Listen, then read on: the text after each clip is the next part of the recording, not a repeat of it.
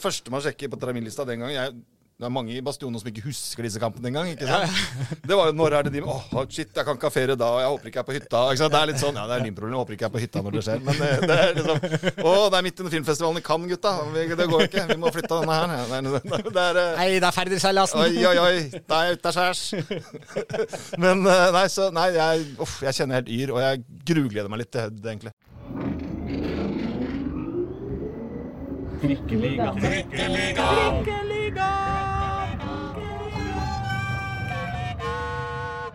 Velkommen til Trikkeligaen sesong 4, episode 44. 444 burde tilsagt kanskje at vi var flere i studio enn bare to. For det er bare Pål Karstensen, hei, og meg. Hei på deg. Hei på deg også. Vi burde ha fire da i studio når vi har episode 44 i sesong 4. Ja, vi har jo et svært bord og fire mikrofoner, eh, men to står tomme. Espen, eh, vår eh, holdt på å si husnisse, men hus... Hva skal man kalle han? Eh, Lynpatrioten på huset.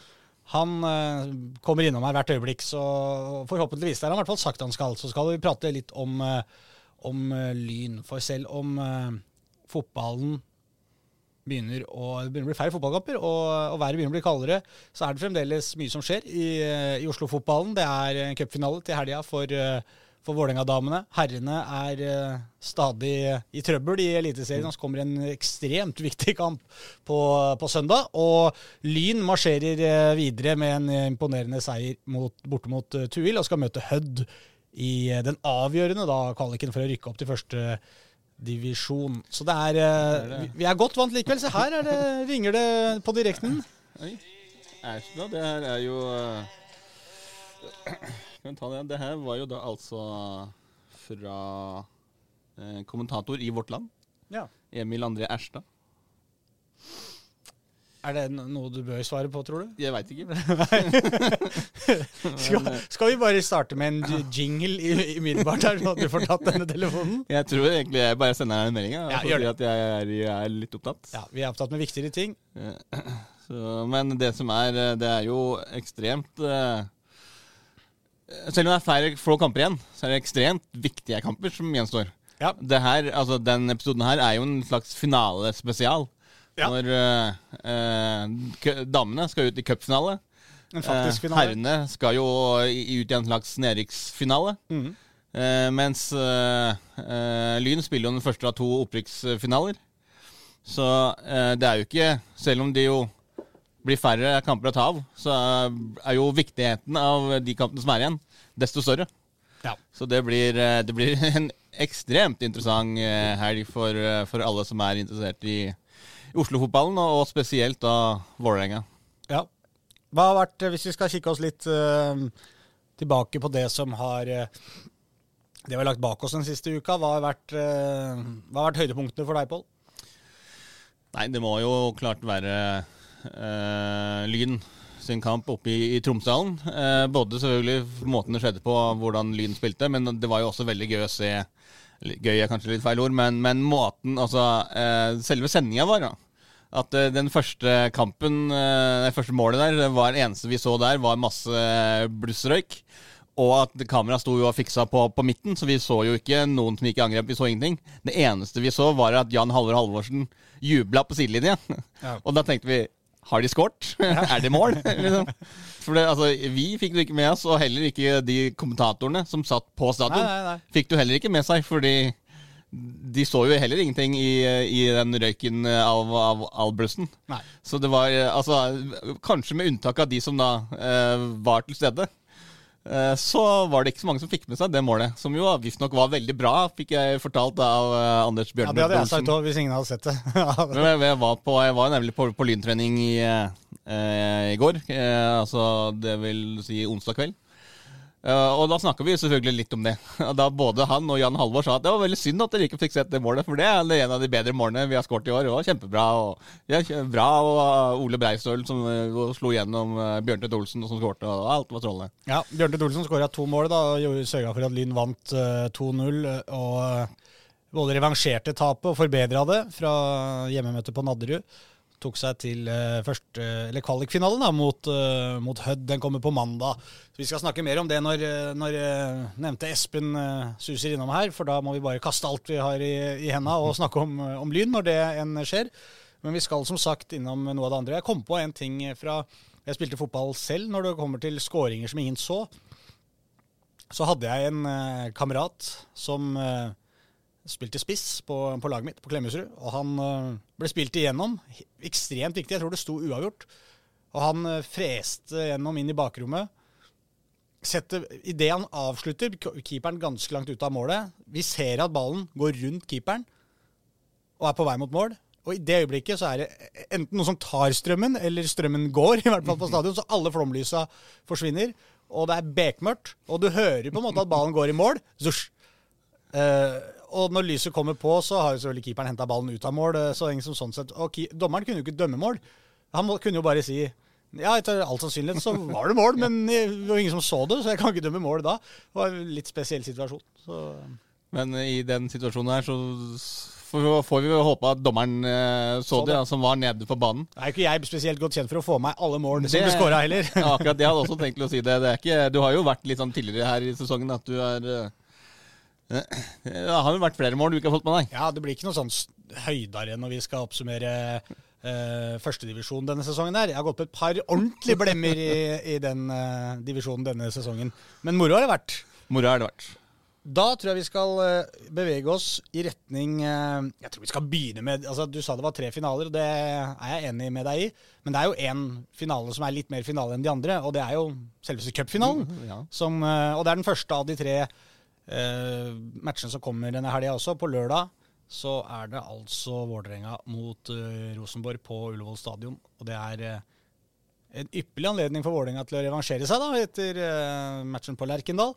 Og vise at det der poenget som Rosenborg har drevet og røra med at hvis ikke dem hadde blitt fratatt det, så hadde de sportslig vært best, osv. osv. Nå får man jo en uh, finale hvor man går inn med akkurat like motivasjon. Det er én en enkeltkamp som det skal uh, avgjøres uh, på. og De stiller vel så sterkt som de kan stille, begge lagene også. Det er ikke noe hjemmebanefordel eller noen ting. Her får vi jo egentlig kan vi kanskje få svaret da på hvem som er det beste laget. Det bør jo være bra med motivasjon i de to troppene, og kanskje spesielt hos Vålerenga. Ja, det, det, er jo klart det. Altså, jeg også var på, på dametrening tidligere i uka, og de, de sa jo at eh, når, når de vant ligaen uh, uka før, så valgte de liksom å, å bestemme seg for uh, i inngangen til kampen på Lerkendal.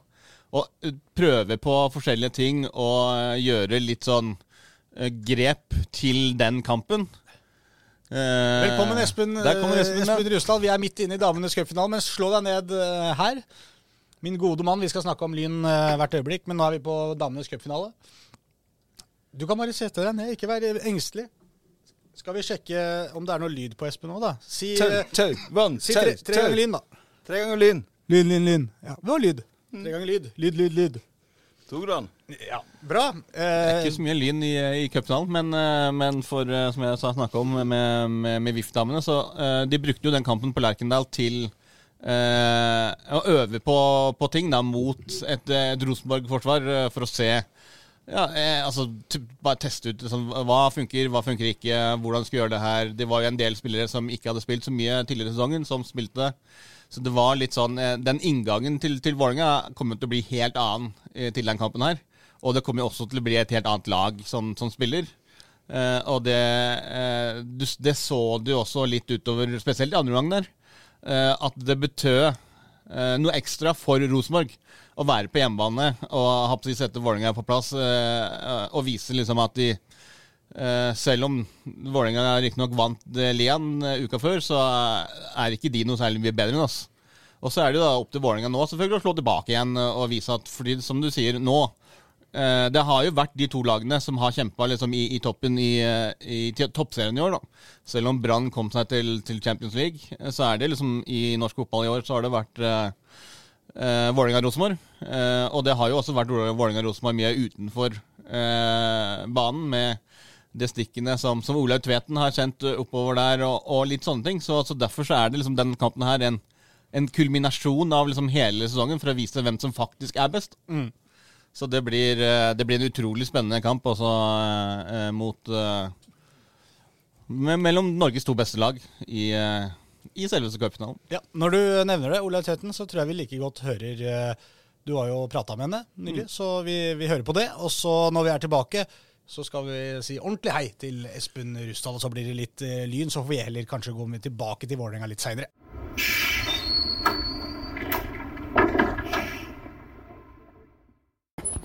Jeg har hørt at det har vært mye medieoppstyr rundt, eh, rundt deg også, som har vært med i diverse podkaster og fått en del medieforespørsler. Hvordan eh, er det inn mot en sånn eh, kamp? Nei, det har vært kjekke ting. Jeg var på denne Heia fotball-podkasten i går, og det var, det var, veldig gøy. Veldig god stemning. Så nei, det var bare kjekt å snakke med en, en, god venn fra Rosenborg med Anna Jøsendal og de to i studio der. Så nei, det var veldig kjekt. Det har jo vært litt sånn for deg i, i år at du liksom har vært en som har uh, drevet med litt sånn ablegøyer og litt, litt skøyeri både på deres egen kanal, men også selvfølgelig med den Rosenborg-stuntet. Er det litt sånn at du er litt bevisst på at du skal prøve å, å piske opp litt stemning for å skape litt, uh, litt uh, ablegøyer i, i toppserien? Ja, altså med, med Vålerenga-kanalene og sånn, så, så, er det jo mest fordi Uh, han Fredrik som uh, ofte er geniet bak alle de videoene, så vet han at jeg alltid har lyst til å være med på det. For jeg, ja, jeg syns det er gøy å, å, hjelpe til der. Og så, og så um, Det er ikke noe jeg liksom tenker veldig gjennom at jeg har lyst til å liksom gjøre, men, men, men, jeg er jo litt sånn det, Ja, det er litt sånn kanskje personligheten min. og og at Ja, jeg syns, det er gøy å liksom kødde litt med At det må være lov å kødde litt med hverandre. Med, så lenge du har et glimt i øynene og, og du mener ikke noe vondt med, med noe, da, så, så syns jeg at vi kunne godt hatt litt mer av det. Vi fikk jo en liten sånn videosnutt tilbake fra Rosenborg etter jeg uh, gitt de penger, så det syns jeg var veldig gøy å se at de òg prøvde liksom å, å, sette litt sånn uh, humoristisk uh, stikk tilbake igjen. Så nei, det setter jeg pris på. Jeg syns vi bør ja, at en bør ha litt mer av det, ja. Hvor viktig er det akkurat den, den biten her for å skape da, litt engasjement? litt sånn så hadde du profiler rundt dere, både i toppserien, men også nå i en, en cupfinale altså mellom de to største lagene i Norge.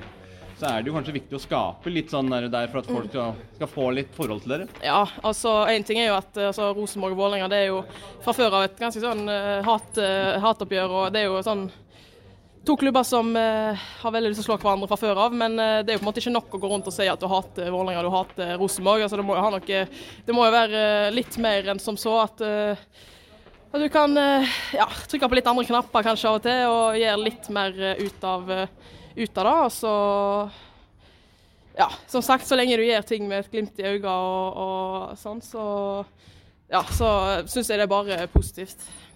Du er blant de som også har gjort det mest bemerket med beina også, og i sesongen. Hvordan har uh, sesongen vært for, uh, for, deg? Det endte jo med et um, seriegull igjen for, for Vålerenga. Det jo, kunne jo ikke vært bedre enn det. Nei, det er jo som du sier. Altså, det var jo en helt ja, fantastisk sesong med, med, i ligaen. og å vinne toppserien det er noe jeg har hatt lyst til veldig lenge og aldri fått oppleve. Så det var skikkelig, var skikkelig stort å endelig få liksom, den gullmedaljen der. da. Så Nei, det har vært en kjempebra sesong for både meg og laget. Så det har vært eh, helt supert. Hvordan har du lagt merke til Det er jo mange sånn, både på sosiale medier og sånn som har uh, skrevet mye om, om deg, da, maestroen og, ja. og Olaug Kveten. Hvordan har du, liksom, du merka den profil, økte profileringen? da? Både for deg og for, for, for Vålerenga siden du kom hit? Uh, ja, nei altså De har jo skrevet kanskje litt mer om oss generelt og, og sånn. og så skulle jeg ønske av og til at de, skrev litt mer uh, sånn fotballrelaterte ting. da. Det er jo ofte de vinkler det litt mer uh, utenomsportslig. Og skulle kanskje ønske at de tok oss litt mer seriøst på selve altså sportsbiten. Eh, men, men det må jo starte en plass, og det er jo bare, det er jo bare bra at de, at de skriver fall om oss. og at denne maestroen med eh, det er jo en sånn sang som eh, en, eh, en fyr i Bergen som heier på Vålerenga, har, har lagd, og den er jo fengende, og sånn, så det har jo blitt ei greie der. da, Så synes, jeg syns det er kjempegøy. Og, og, jeg digger liksom måten han liksom ja, har klart å lage litt sånn Han òg er litt sånn kødder litt og, og lager litt morsomme innlegg og videoer og sånn på den Vålerenga Bergen-instagrammen. så Ja, det, det er kjekt. eh, Liksom trenger litt, eh, litt av hvert av det der, syns jeg. Han la jo ut en, en eh, cupfinalesang nå også, i, i går, så jeg. Så det, Det er helt det, ja, det er så sjukt. Ja, det, ja, det er helt legendarisk. Så ja, han, Jeg ser bare for meg da han sitter hjemme og liksom jobber med det der og bare digg, Koser- ja, seg. ja, ja, koser. Jeg digger det. Så nei, det, var, det er helt klasse, den der Instagram-brukeren der. Hvordan blir det nå å, å møte Rosenborg i en cupfinale? Dere slo det jo med, med ett poeng i, og ta, tok, tok le-gullet. Så tapte dere jo nå opp i, i Rosenborg, eller mot Rosenborg der. Eh, Hvordan blir det nå at vi setter det på plass igjen og viser hvem som er, eh, som er sjef? Ja, vi skal iallfall vise oss fra en annen side, og vi skal virkelig gi dem en, eh, en tøff kamp. Og merker jo bare allerede i dag hvordan Altså Det er noe helt annet å komme på trening denne uka nå i forhold til sist uke. Så vi, jeg tror vi trengte den uka for å liksom lande litt. Og, og så fikk vi jo brukt den kampen i helga til å trene på litt forskjellige ting som vi ville trene på. Og så, og så ble jo resultatet så som så, men eh, men vi vet at Rosenborg er gode, og da ser vi på sist kamp òg at de er et veldig bra lag. Så, så vi, men vi skal gi dem skikkelig god kamp eh, på lørdagen. Det var vel kanskje sånn å holde utover i, i andre omgangen der, når de skårte, og de var kanskje betød litt, litt ekstra for, for de, fordi dere visste jo dere har jo tross alt vunnet seriegullet uansett. Ja, ja, det var jo, det var jo da altså, den, jo, den kampen betydde jo alt for de, og ingenting for oss.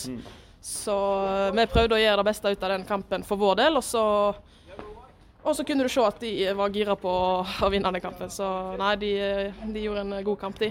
Hvordan er det å være på, på treningsfeltet denne, uka her? Er det litt sånn litt ekstra, betyr det litt så, i stedet for å eller forrige uke, eller er det en sånn vanlig serieomgang midt i sesongen der dere kanskje møter Arne Bjørnar borte? da? At det er litt mer ekstra futt, det er litt mer ekstra spenning og, og tempo på, på treningene? Ja, ja, ja 100 Det, det er kjempelett å, å, og merker det på bare hele, altså hele gruppa på, på feltet i dag. At eh, det er en gjeng som uh, tror gleder seg enormt. Og jeg kjenner iallfall at uh, jeg, jeg følte litt sånn på søndagen, dagen etter vi hadde tapt den mot Rosenborg, at uh, kjente, jeg kjente liksom at jeg våkna opp, og det var, en ny, det var en ny verden. Endelig. Nå skal vi liksom jobbe inn mot denne kampen her. og altså, Det er jo noe spesielt med cupfinale. Det er jo den kuleste kampen du kan spille i, Norge. sånn sett, så da blir eh, jeg, tror, jeg tror den kampen er nok motivasjon til liksom, eh, at eh, ja, de fleste har kommet være ganske så gira.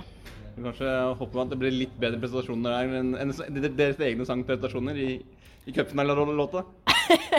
Ja, de, de skrudde vel ikke vår sangstemme så veldig høyt, så det var sikkert like greit. Men jeg syns vi gjorde en bra innsats, og det ble, det ble veldig kult, syns jeg. Kjempefin låt, syns jeg.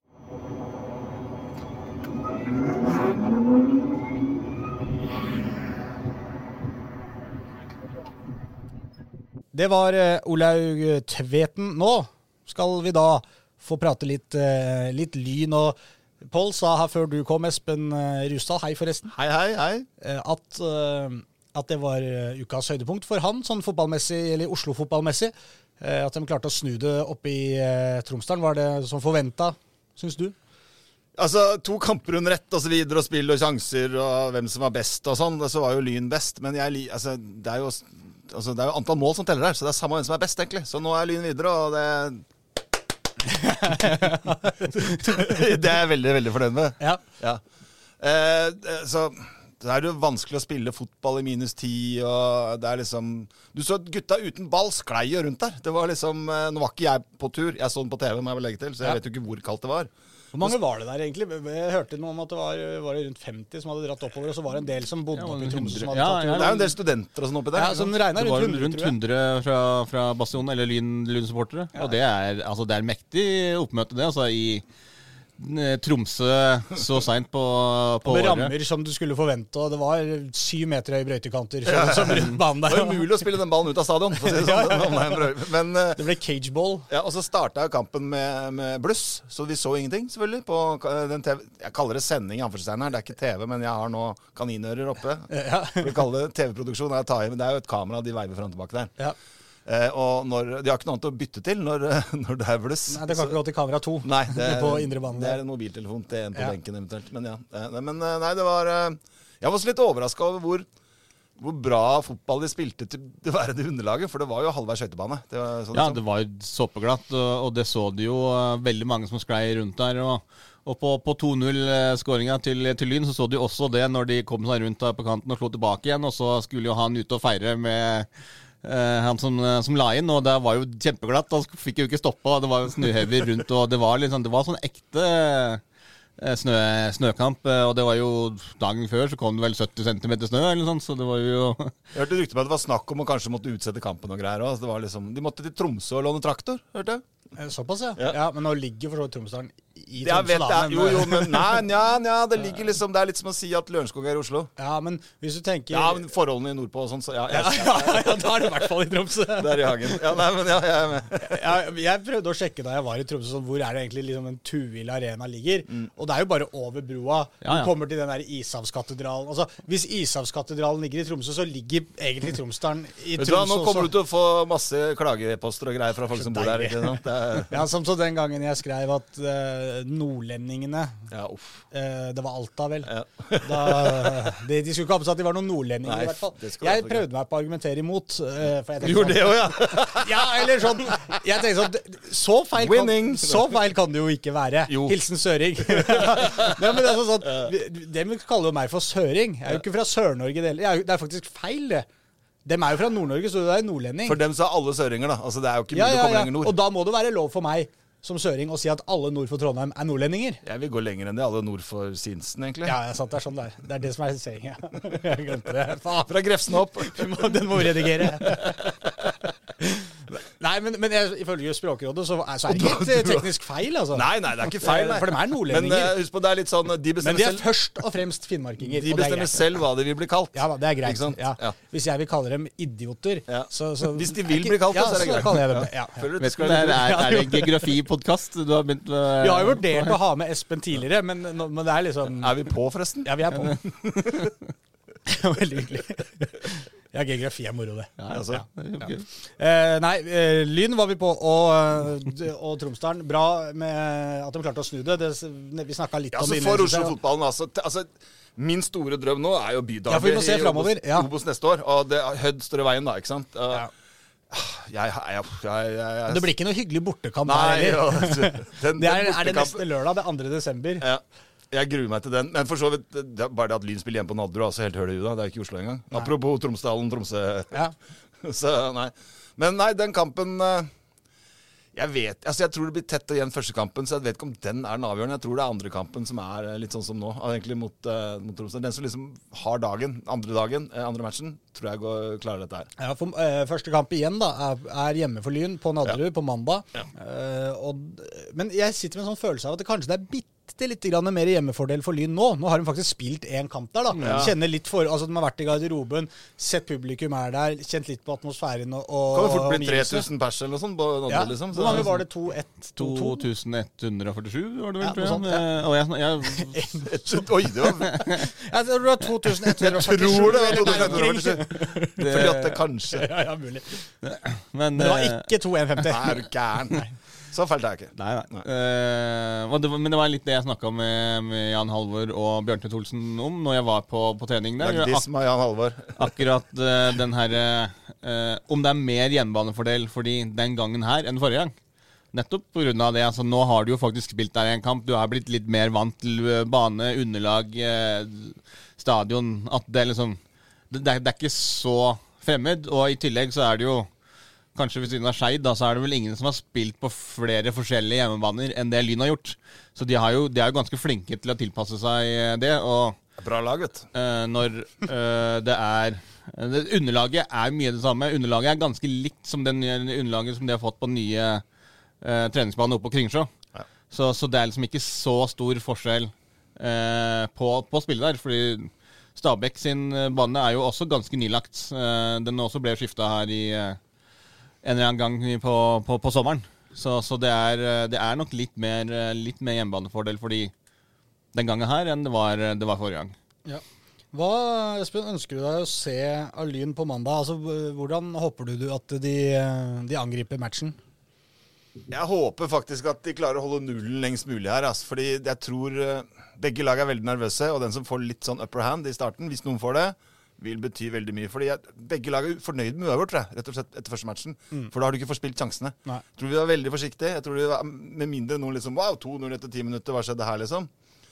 Eh, men selv da tror jeg de var forsiktige etterpå, Fordi da vil det laget som ligger under, tenke ja, vi må ikke bli det verre nå, for vi har en kamp til, osv. Videre. så, nei, men jeg tror det blir ganske forsiktig, altså. I hvert fall i starten. Men det er klart, hvis Hødd øh, leder 2-0 etter ti minutter, det er litt annerledes enn hvis Lyn gjør det, på en måte. For Hødd har hjemmekampen, da. Ja, det er klart. Men nå teller jo ikke bortemål og sånn eh, i den sammenhengen her. Så det er ikke Nei da, men borte, ja, ja, ja, hjemme for. Ja. delen er det jo like Ja, ja, og det å dra til Hødd liksom i november Ja, desember er det jo faktisk til og med. Det er, det er lørdag, da. Det er noe. Altså, det, er liksom, det er ikke noe stas, altså. Eh, unnskyld til alle dere fra Hødd. Det, det, som er enda verre for de fra Hødd, er at nå skal du ikke til Oslo spille engang. Det er litt kjipt. De får ikke se storbyen. Nei. Nei. Nei. Skal til Bekkestua. Ja. Det er Egon der òg. Det er Egon der òg, ja.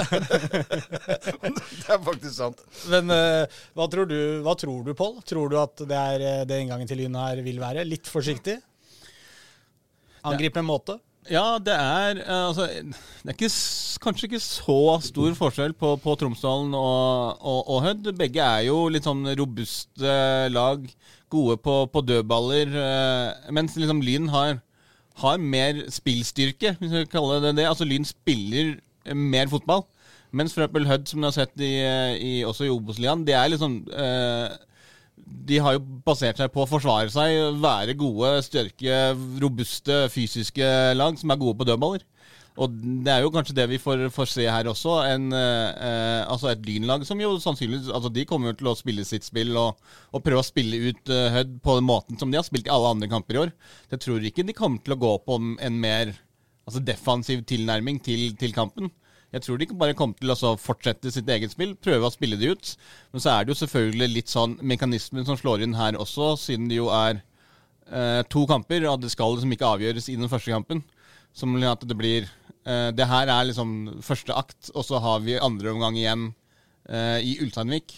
Som de nok også, også går litt og tenker på, så kanskje på, på slutten der, hvis det liksom er eh, Hvis det er likt, eller de leder eh, 1-0 eller 2-1, eller noe sånt, så kaster de kanskje ikke De siste 20 kan bli litt lavere da. Hvis det står 2-1 for eksempel, til nesten samme hvilket lag det, så vil det være litt sånn hm, Kaster ikke alle mann til pumpene? Nei, det skal være i hvert Ja. fall to, kanskje tre Ja, mål forskjell til For du liksom skal Ja. virkelig kaste alt i den kampen. Ja, det Men jeg, jeg. tror eh, altså den kampen her blir så altså Det er jo på et sett og vis to eh, litt ulike stiler. Lyn har jo det i seg, kunne spille fotball, for å si det litt sånn enkelt. da. ligger i genene, det. Ja, ikke sant? Og, eh, og jeg ser jo for meg et kampbilde her, hvor, som du sier, Pål, hvor Lyn kommer til å styre. Det er litt sånn naturlig. Altså, det, eh, ikke når du, altså, egentlig er det naturlig at førstedivisjonslaget vil, ville tatt kontroll, men jeg ser ikke for meg at, at Hødd skal komme eh, kommer til eh, Nadderud og, og begynner å skal prøve å vise at de er et bedre fotballag. For det tror jeg de har selvinnsikt nok til å innse at det er vi kanskje ikke. Denne kamp, denne kamp,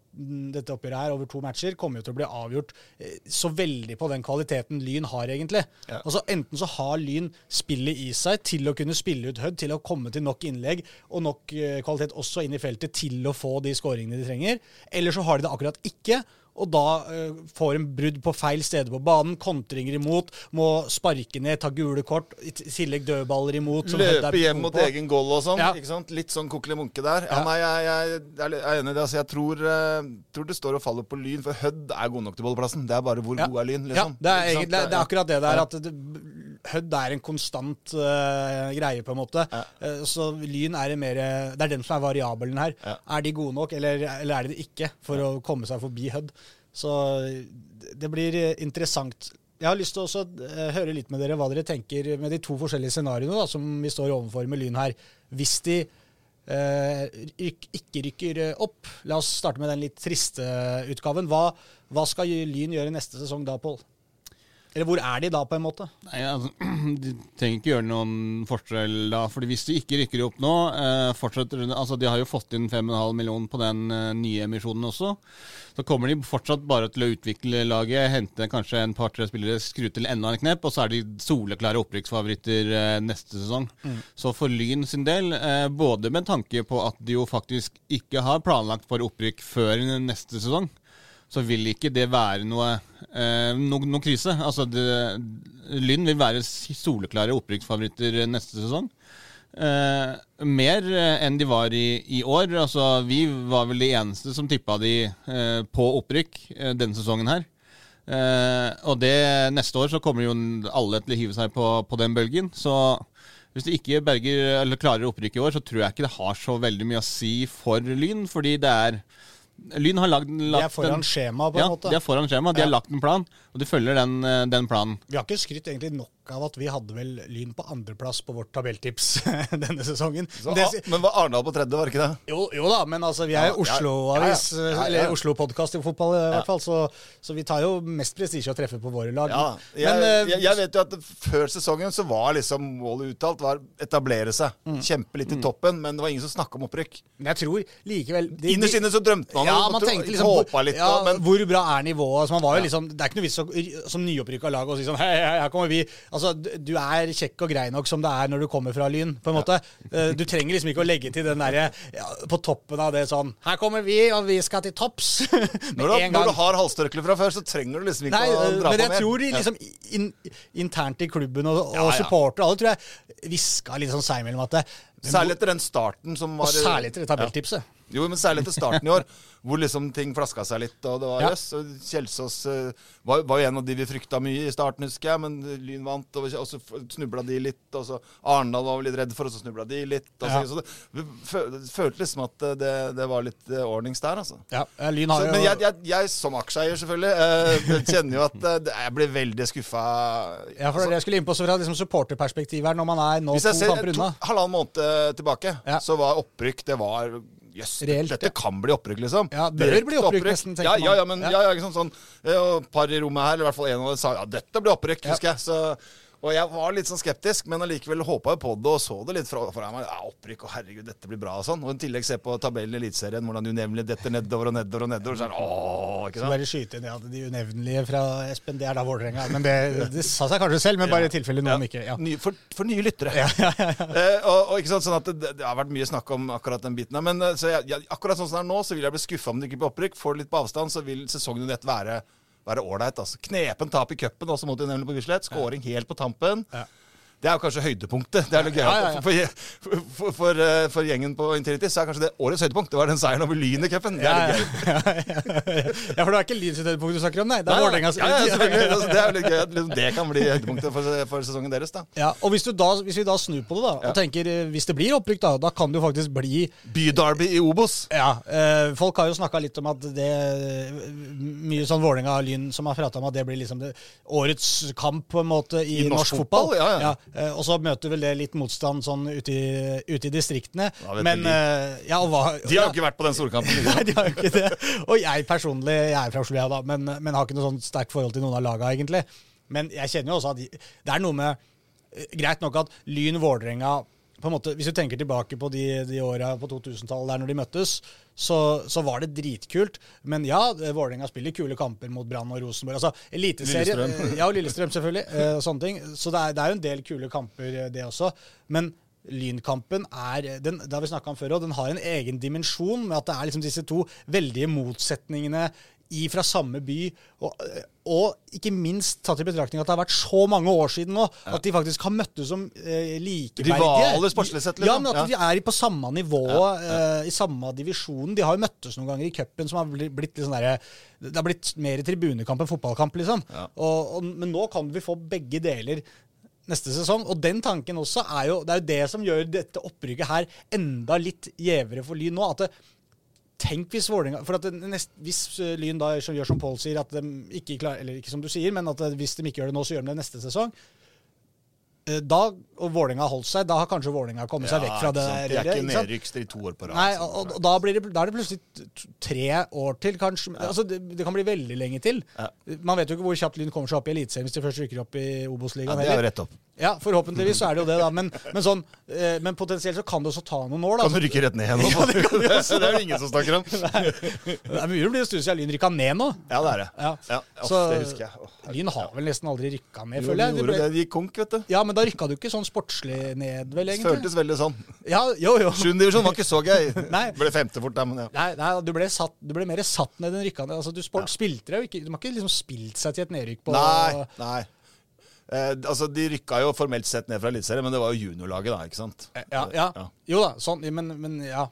jeg føler liksom allikevel at det, det er ikke et lag som rykker ned, Nei. Lyn. Men jeg ser for meg hvis, eh, hvis det skulle bli nedrykk eh, og opprykk samtidig, da, så de møtes i, i Obos, så vil det jo være Begge de kampene vil være utsolgt på Bislett og Intility. Det tipper jeg. altså. Jeg kan ikke se for meg noe annet. Og da, da blir det kok på banen og på tribunen, og det vil være veldig veldig sårt for de blå, eller bydelslag fra Oslo øst, da, å spille den kampen. For det er ikke der de skulle være nå, liksom. ikke Nei, sant? nei, nei. Altså, De skal kjempe er, ro. ja, for det er to tog som virkelig er på vei i hver sin retning. Ja, ikke sant? Den ene er liksom kjører i 240 nedover, og den andre kjører i 240 oppover. Ja, ja. Det, det kan bli Ikke altså, det, veldig, Det kan bli kjempekollisjon da, når når de ja, møtes. Og det vil være mye følelser, og det vil, vil stå mer altså, Det vil svi mer å tape for den ene, ene parten enn for den andre, da, på en måte. ikke sant? Ja, for Lyn er jo dette er endelig den muligheten til å slå Vålerenga Ja. som eh, med, altså Hvor begge lag har samme forutsetninger. Ja. Til en viss Ja, ja. grad, da. Altså, man er i hvert fall Man har ikke den, eh, den fordelen av å kunne plukke spillere fordi at man spiller på et høyere nivå, og man får inn det samme fra medieavtaler og alt dette her. Så, så man, liksom, rammene er litt mer like. Man er jevnbyrdige. Og det Men det er klart, de nemlig vil jo være solklare opprykksfavoritter hvis de rykker ned. Altså, og Lyn vil jo være båndlaget i Obos, det tror jeg vi kan si på forhånd. Altså, i hvert fall Ja, jeg veit ikke. Liksom, lyn, det er det med Lyn at hver gang de kommer på, på et nytt nivå, så har så liksom, Det mobiliserer så veldig. Da. De Mm. får inn de der ekstra kronene som gjør at de kan hente de spillerne som Jeg tenker sånn umiddelbart nå at hvis Lyn klarer et opprykket, så er ikke det første jeg tenker at dette går rett ned igjen. Nei, det men, men de kommer ikke til å kjempe om opprykk til Eliteserien første sesongen. det Nei, men i. Obos-ligaen så gjør du ofte en av to, da. Ja, ja, nesten alle er jo med på den. Men jeg er helt enig at Lyn Jeg kan fint se for meg at Lyn havner midt Kan hende de snuser på en liten kvalikplass ja, fram til Fellesferien, er liksom. kvali- Ja. Ellers så får de en dårlig start, og så kanskje de ligger litt ned på nedrykk, og så kommer de seg, og så havner de på en, på en åttendeplass eh, til slutt, på en måte. Og, og det er jo De kommer til å gå inn i den sesongen med akkurat det samme forventningene som de gikk inn i andredivisjon med nå. De kommer til å tenke at vi skal etablere oss på dette nivået, ta tida til hjelp, sørge for å holde liksom den positiviteten rundt klubben, den go-en som er der med publikum og penger og alt. Og eh, sørge for at liksom produktet eller, eh, er kult, da. Ja. At fortsatt lyn er lyn, og, og det er vår greie. Vi skal Vi bruker ett eller to eller tre sesonger på Eliteserien. Er liksom, det, det, hvis man gjør det riktig, så kommer man til Eliteserien til slutt. Forhaster man seg, så, så, så risikerer man å rykke opp til Eliteserien om, om en sesong, og så Og ramler det to ganger. Ja, ja, og er tilbake i posten Og Rakner og, ja, Ja. og de som var med på laget, tenker sponsor, investor og sånn, da Ja. liksom vil bare trekke seg for dette. Var ikke det jeg så for meg? Sånn, for altså, noen ja. rørekopper, liksom. Ja, ikke sant? sant? ja. Og det er jo ikke ukjent med at en idrettslag i norsk sport holdt på å si, er rotekopper med penga. Det skjer jo. Det skjer, ja. Lyn òg, for så vidt brukte jo overspending så det holder. Mm. Jeg kjenner jeg syns det var litt irriterende akkurat det, at de begynte å, liksom hviske om en emisjon liksom før sesongen var over, og man har mer penger nå. Altså. Ja. Men det er en annen historie, da. Men nei, for å oppsummere. Ja til Lyn opp. eh, Ja til de unevnelige ned. Og ja, kaos i Obos. Det, Kaos i Obos. Det hadde vært Kaos i. Obos blir det, er det jo uansett, men, men jeg tror også du er inne på mye av det som er riktig med, med Lyn hvis de rykker opp. For jeg tror ikke, altså Forskjellen på eh, Lyn nå, i, som de spiller altså denne sesongen her, og de lagene på nedre halvdel av Obos-ligaen, den er ikke så veldig stor. Så, så Lyn eh, Hvis de rykker opp, så eh, Jeg tror liksom eh, Når du kommer til selve altså opprykksnivåene, altså de kanskje fire-fem øverste lagene i Obos-ligaen opp dit er det kanskje fortsatt et nivå for, for Lyn. Men bare, Men- bare det at jeg sitter og tenker at nå at jeg føler at det, ikke det heller er umulig for Lyn. Det sier noe om den derre auraen rundt klubben akkurat nå. At det føles som Det er mye positivitet, Ja, de ja, ja. går på vannet, på en måte. Det er, hvem, hvem skal klare å stoppe det Lynlaget? Altså, ja, de har gått på noen eh, sånn i løpet av sesongen. ja, men en, de vant det en, det er en U jeg husker for bare et par uker siden nå, som ødela veldig mye. da. ja, ja, men allikevel sånn hvis man, hvis man bare zoomer litt ut, da, litt større bilde, så føles det som Lyn bare og, og i hvert fall få med seg alt det som kretser rundt dem, og at de får liksom nye folk inn, jobber med arrangementene sine. og all, Alt der peker liksom riktig vei. Jeg tror det er, må være en av de kuleste klubbene å følge som supporter om dagen. Og ikke minst hvis du er ung og låner fotballspiller i, i liksom Eller supporter. Oslo, eh, eh, ja, eller spiller i Oslo-området utenfor der, la oss si 17-18 år og sånn, du liksom har noen klubber som snuser på deg og sånn, så er jo Lyn jævlig interessant, unnskyld, veldig interessant for, for mange av de i den generasjonen der, da, ikke sant? For talentene rundt i byen. Så det er ikke sånn at Skeid og Intility og sånn kan liksom bare, eller Koffa for den saks skyld, kan bare få det inn på seg. Jeg tror mange av de vil se på Lyn som minst like interessant. Lyn kan matche mange av Oslo-klubbene, på, bortsett fra Vålerenga kanskje, på penger. Ja. Og, har Overgå alle på penger, faktisk, bortsett fra dem. Ja, ja. jeg veit ikke nå med Koffa og sånn, da, som rykka opp, selvfølgelig. Men, men du, også har du også den tilleggsgreia med supporterne, at det er kulere, kulere mm. kamper å spille. Og bare den derre Det betyr litt, den der, altså, både sånn historien til, til Lyn, altså utviklingen av Lyn som prosjekt. altså det, Hvor er Lyn på vei? Sånn, det eh, interesserer jo veldig mange. Så så det, jeg tror nok eneste eh, eh, altså Selvfølgelig igjen Vålerenga med, med økonomiske muskler, men sånn, hvis de skulle rykke ned, så er det ikke sånn at da er det ikke så eh, mye mer interessant. Ikke for en 18-åring, liksom. Med Nei, tanke på altså, og så, men sånn, så har de jo også eh, det som er med, med, med Koffa. De har jo selvfølgelig ikke den uh, Verken historien eller eh, liksom den der eh, bastionen i ryggen og de kule kampene her. Men det som er med, med Koffa, er jo måten de utvikler spillere på. Det er klart, det er jo Sånn at, eh, positivt Og for- få, liksom, der, der får du sjansen. Alle som har gått til Koffa på et eller annet tidspunkt, altså nesten alle har blitt bedre og har tatt steg videre. Så, Men Oslo-klubber generelt er jo ofte gode arenaer for å bli bedre. Det er ikke bare Koffa, det er jo Nei, nei, nei veldig men, mange men av disse sånn, når, Oslo-lagene, når de i tillegg da er i Eliteserien, Ja, ja. så har du altså eh, allerede et mye større springbrett. Og når du allerede liksom Når du Ja, og hvis du skal bli god fotballspiller, så er det jo klart at da er det ikke så viktig å spille for 2000 på Bislett, på en måte. Da, da kan du heller spille for 1500 000, med, forhåpentligvis da på Koffa-kamper i Eliteserien. Ja, og så- bane sju på Ekeberg. Ja, og så skal du sprette videre etter det. For at da sikter du litt høyere enn det. Ja. Men, men, eh, men poenget er at Lyn er i en ganske god posisjon Ja, ja, ja. likevel. Jeg ser for meg om noen år, så det er ikke mange år heller, så er sikkert Mads Møller Dæhlie tilbake. da, ikke sant? Og ti år etter det så er Bob tilbake på, i Lyn. og ikke sant? Dette, dette blir gøy. Det er kvartfinale Champions League mot Barcelona. Nei, dette blir artig. Gruppespill mot Manchester United. Det er liksom, Du ler, du. Ja, Altså, så blir, det blir liksom plutselig så bikker det over igjen, da, ikke sant? Ja, det er skjeit. Nå er det Tørkle-Hansen som Ja, snakker. ja, ja, ja, det er eh, Ja da, altså Pål kunne sikkert fått det til på FM, det høres ikke umulig ut. Ja, men, eh, men det skal eh, Ja, men at det kan Rare ting har skjedd, Ja, absolutt. Jeg sier ikke at det ikke kan gå. Men, Leicester vant ligaen i England. Ja, det er sant. Også. Det er det alle fotballsupportere kl- klamrer seg til. Hellas. Danmark. Ja. ikke sant? Så ja. Bodø-Glimt, for den saks skyld. Ja. Altså, det er, du ser ressursmessig, det er ikke så stor, stor forskjell på altså. Nei, nei, men de har en stund igjen til den. Ja, ja, ja, men altså, altså, det, det er jo man, Fotball er drømmer. Ikke? Man må jo Ja, drømme stort. Og da tenker jeg Og det er masse gamle karer, eller spillere som har vært innom Lynet en gang. ikke sant? Så det, det jeg ser for meg et uh, toppa lag der når Jeg ser for meg, jeg ser for meg et uh, Lyn-lag i første divisjon neste sesong med Jo Inge Berge på topp. Jeg, Det hadde vært, det hadde vært det hadde, jeg tror det Det er ikke umulig, det, vet du. Hvis de rykker opp. Fortsatt glad i klubben, han, vet du. Han er det. Ja. Og jeg var jo et eller annet eh, jeg følte jeg, jeg så eller hørte altså, Da kom det et eller annet Det var, var kanskje ikke et stikk, men det var et eller annet lyn noe lynrelatert, i hvert fall. Så jeg tror han er litt sånn han, Det var jo der han på en måte slo igjennom. Ja, ja, ikke bare på en måte. Nei, Det var- nei ja, ja, ja. for det var der han slo igjennom. Ja, ja.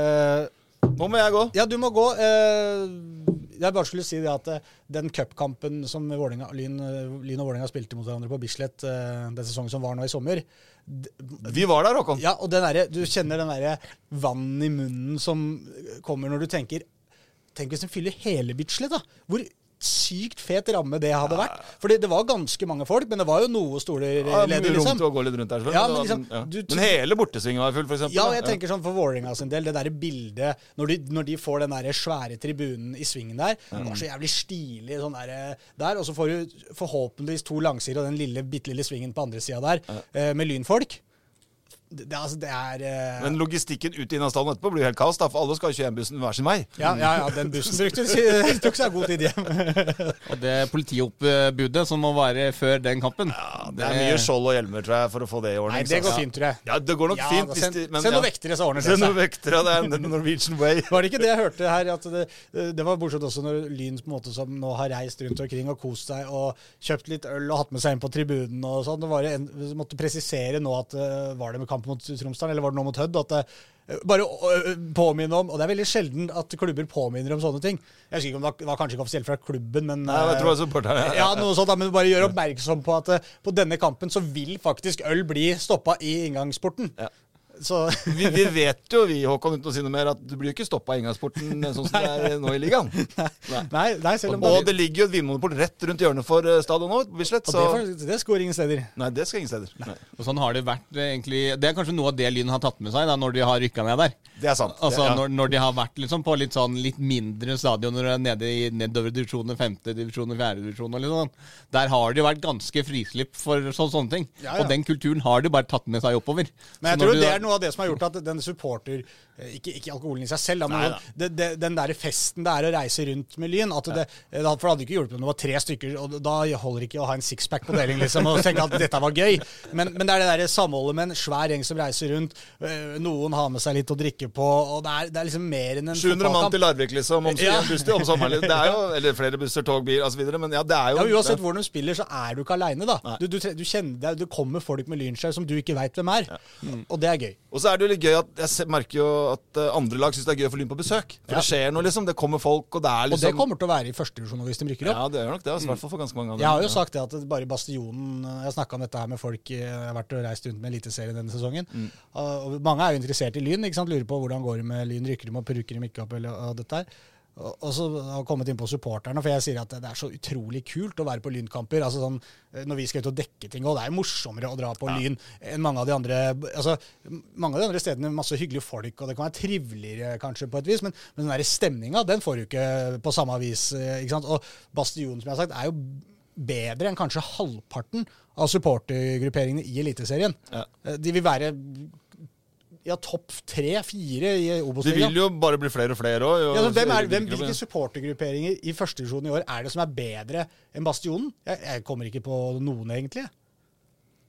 Det, det, det tok seg opp litt i Fredrikstad på slutten. Fredrikstad har jo ja, men sånn, Nå snakker jeg ikke om hvor mange publikummere, men, nei, men den sånn der klakken, ja, liksom. ja, sånn, ja, ja. Som står der og synger, liksom. Og, altså Nivået på det Bastion leverer, Ja. både på liksom sanger eh, som er både morsomme og trøkky, eh, flagg, skjerf, eh, bluss, alt den derre Bastionen er ikke sånn som blusser i hjel hver kamp heller. De, de blusser litt, liksom, men det er ikke sånn her Hei, her kommer vi, og vi skal vise hvor mye krutt og kanoner vi har, liksom.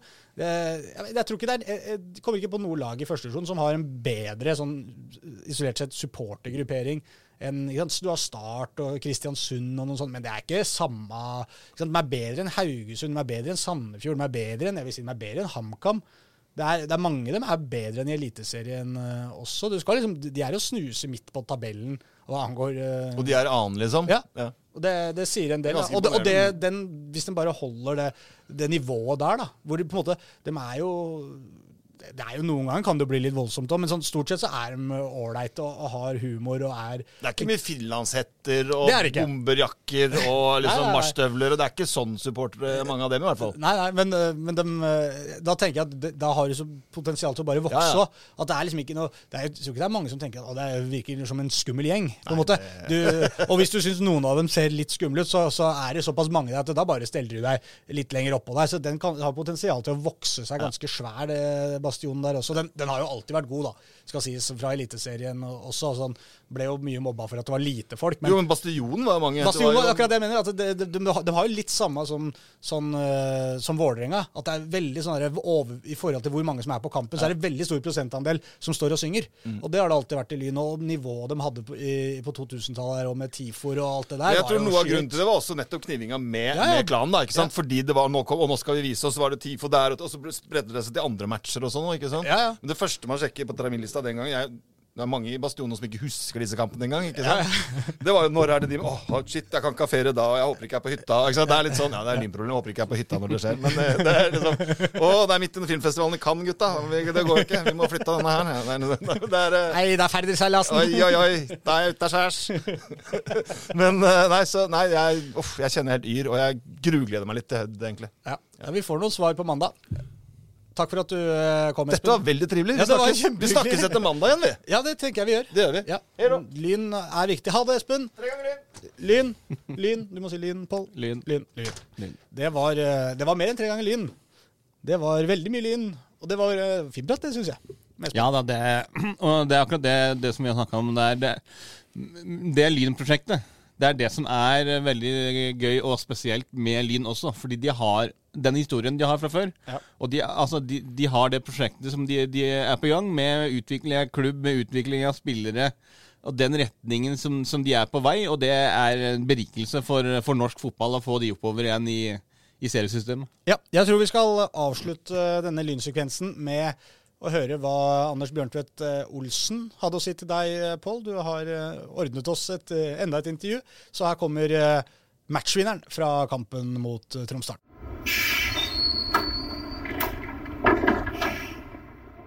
Tilbake til, til hverdagen, holdt jeg på å si, etter å ha kommet hjem fra det høye nord. Ja, det er deilig å komme hjem igjen. Det, det var gøy, det. Fikk også en bra opplevelse der oppe, så det, det er noe vi bygger på. Hvordan er det, som jeg sa til, til Jan Halvor, og det eneste vi så av det første målet, var at Jan Halvor uh, jubla da det var både bluss og røyk og en kameramann som ikke fulgte med. Men du skårte jo, skårte jo begge målene der oppe. Hvordan var det? Nei, Det er selvfølgelig gøy å kunne bidra. Uh, så i hvert fall ble jeg spilt Det synd jeg ikke så det målet, for det var veldig godt gjort av det Ole først og de andre på laget. Så det, når man blir spilt god, så er det gøy å være god òg. Så ja. Og det er jo litt sånn for deg, Nå har du jo skåret i var det seks av de åtte siste, og oppe i 14 mål for, eh, for sesongen. Hva er det som har gjort at det liksom, har kanskje løsna litt ekstra for deg mot, eh, på, på slutten av høsten? der? Nei, Først og fremst syns jeg det er morsomt å spille fotball. Og Med det så kommer det selvtillit. Og i tillegg til å ha gode lagkompiser da, så er det en fin kombo. Så det er nok det som er hovedgrunnen. Lysten på å kunne gjøre det bra og gode medspillere. Dere har jo en eh, altså på, på, topp der en ganske god duo, uansett hvem som spiller i, i, midten. Om det er eh, Iba eller om det er eh, Andreas. Og så er jo du og, og Ole stort sett spilt på, på, kantene. Hvordan har det vært å, å dure på for, eh, for, Lyn? Det er jo nesten så bankers som det går an å være på, på det Lynlaget her ute på, på, kanten. Ja, det er, altså, det er mange gode spillere i den troppen her, og du merker jo det. det er det er jo kanskje hovedgrunnen til at vi har gjort det så bra òg. Vi har 25 spillere som holder et høyt nivå. Så det gjør jo er med på å utvikle alle sammen. Så det er jo uansett tøff konkurranse. Så ja, det er ikke noe som er noen faste plasser. Her er det jobber vi på altså, for den som fortjener spillet. Det er jo litt sånn, eh, for jeg snakker litt med, med Elvevold også, som jo jeg alt tror han nesten kommer inn i hver kamp og har skåret omtrent like mye, mye, som dere. Du er jo oppe i 14 ja. nå, som er det beste antallet du har gjort i, i din karriere også? Ja. ja, det er jo Men selvfølgelig, vi er jo avhengig av alle, hele laget. Så det er jo viktig det er at de, de som starter på benken den ene kampen, også kommer inn og bidrar. Og så får de sjansen til å starte noen andre kamper. Men det er bare bra. Det er sånn det skal være. Konkurranse. Så ja. Fornøyd med at det er sånn, egentlig. Hvordan er det den her mentaliteten som dere tar med? Dere har, det har jo vist, eh, vist hele sesongen. Skårer jo mål på slutten, skårer mål på overtid eh, og reiser opp nå til Tromsdalen. Tar en knallsterk 2-0-seier der, hjem der. Eh, hvordan er den mentaliteten i, i gruppa, den der vinnermentaliteten? At den derre det her, det her fikser vi nesten uansett, virker det ut som eh, på oss på, fra sida. Ja, altså Når man har gjort det før, så vet man hvordan den følelsen er, og at man helt har troa på at det kan gå. Så det gjør at man aldri gir opp, og det er det som er viktig. Og Det er jo noe man tar med fra treningsfeltet, at det alltid er konkurranse om, å, gjøre, om å vinne om å gjøre det best. Så da tar man det ut på kamp òg. Så det er vel det som er hovedgrunnen. Og så har vi troa på oss selv, det vet vi er gode. Så ja, spiller vi på det. Nå møter du et, et Hødd-lag som har rykte på seg for å være vanskelig å spille mot på, i Ulsteinvåg og god på dødballer. Kanskje ikke så veldig ulikt det Tromsdalen hadde å komme. Da det var stort sett liksom, Dere var jo best i, i, begge kampene, men de var jo liksom gode på, på noen langskudd der og, og hadde en trussel på dødballer. Ja, altså vi møter jo både Tromsdalen og Head. Det er to gode lag. Så det er en grunn til at de er med på den kvaliken her, de også. Så de har jo gode kvaliteter, begge de lagene. Men eh, som sagt, vi må jo spille på det vi er gode på, og demme opp for dem, måtte jeg på si. Så det Nei, Vi skal få se, se litt på, på dem nå før kampen, og så være best mulig rusta til, til mandag og til neste helg. Siste jeg har hatt siste hjemmekamp for, eh, for, sesongen, selv om dere jo har spilt hjemme på en god del eh, hjemmebaner. Hvordan er det å stadig skifte rundt? Nei, Nå begynner jeg å bli vant til det, så for så vidt så går det jo greit. Men man savner selvfølgelig å ha et fast sted. Men eh, ja, jeg har spilt på bra arenaer uansett, så nå har det gått bra. Foreløpig i hvert fall, så får vi se hvordan Håper det går veien ut. Hvis dere rykker opp, da, så er det kanskje gode, gode muligheter for at dere får en, får en permanent hjemmebane. Jo høyere opp det er, jo lettere er det vel kanskje for å få et permanent hjem. Ja, nei, akkurat det er ikke jeg som styrer med, så det, hvordan det blir planlagt alltid. men selvfølgelig. Går man oppover, så blir jo muligheten også annerledes og større. Hvordan er det med å være med på, på den reisen her med, med Lyn? Nei, det er gøy det. Nå har jeg fått vært med noen år og vært med fra starten av siden emisjonen begynte. eh, Og var her allerede da den starta, så det er jo gøy å se litt hvordan det har bygget seg litt opp. da. Eh, Både det rundt laget og selvfølgelig kvaliteten på spillere. Hvordan vi har løfta kvaliteten på alle sammen, egentlig. Så det er jo gøy å følge spillere og se utviklinga til både klubben og enkeltspillere og hele laget. Det har jo vært en ekstrem eh, Altså, den, den rammer rundt altså Lyn har jo en, en sinnssyk historie fra før. Men det også med, med, med Bastionen, som jo har vært med dere fra de, de, altså Lyn var jo femtedivisjon og oppover. og Nå, nå drar det jo allerede over 2500 kroner, nei, tilskuere på, på kamper og sånn. Det må jo være noe ekstra for dere også å føle på den, hapsi, den, den eh, Altså hvor mye det betyr, da. Jo, selvfølgelig. Det betyr veldig mye masse for oss. Og eh, når jeg spilte min første kamp for Lyn, så spilte vi jo her. Eh, og da var det jo en 15-20 supportere på hjørnet der. Og allerede da så begynte jeg å føle liksom at det, man er ikke vant til det, at sånne type supportere fra andre klubber. Så har det bare vokst og vokst, og det er jo enormt gøy for oss spillere. Det er en motivasjon vi tar med oss. og I hvert fall når vi ser oppmøte både på hjemme- og bortekamp. Det er jo, de tar turen og støtter alltid opp for oss. så det, det er gøy. Spesielt nesten litt, litt ekstra gøy oppe på Tr- Tromsdalen der, når dere kunne feire der med de som, Ja, som hadde tatt tur- turen opp der. Det var vel omtrent en 100 mann eller sånt. Som det Ja. er, eh, Ja, det er gøy. Eh, Det å kunne gi noe tilbake til dem òg, for de gir mye til oss. Så eh, det er gøy å kunne levere da. Hvordan blir det nå igjen eh, i finale? Dere var jo i en finale nå mot eh, Tromsdalen. Nå blir det jo hoppsi, enda en ny finale, nesten ett et steg opp.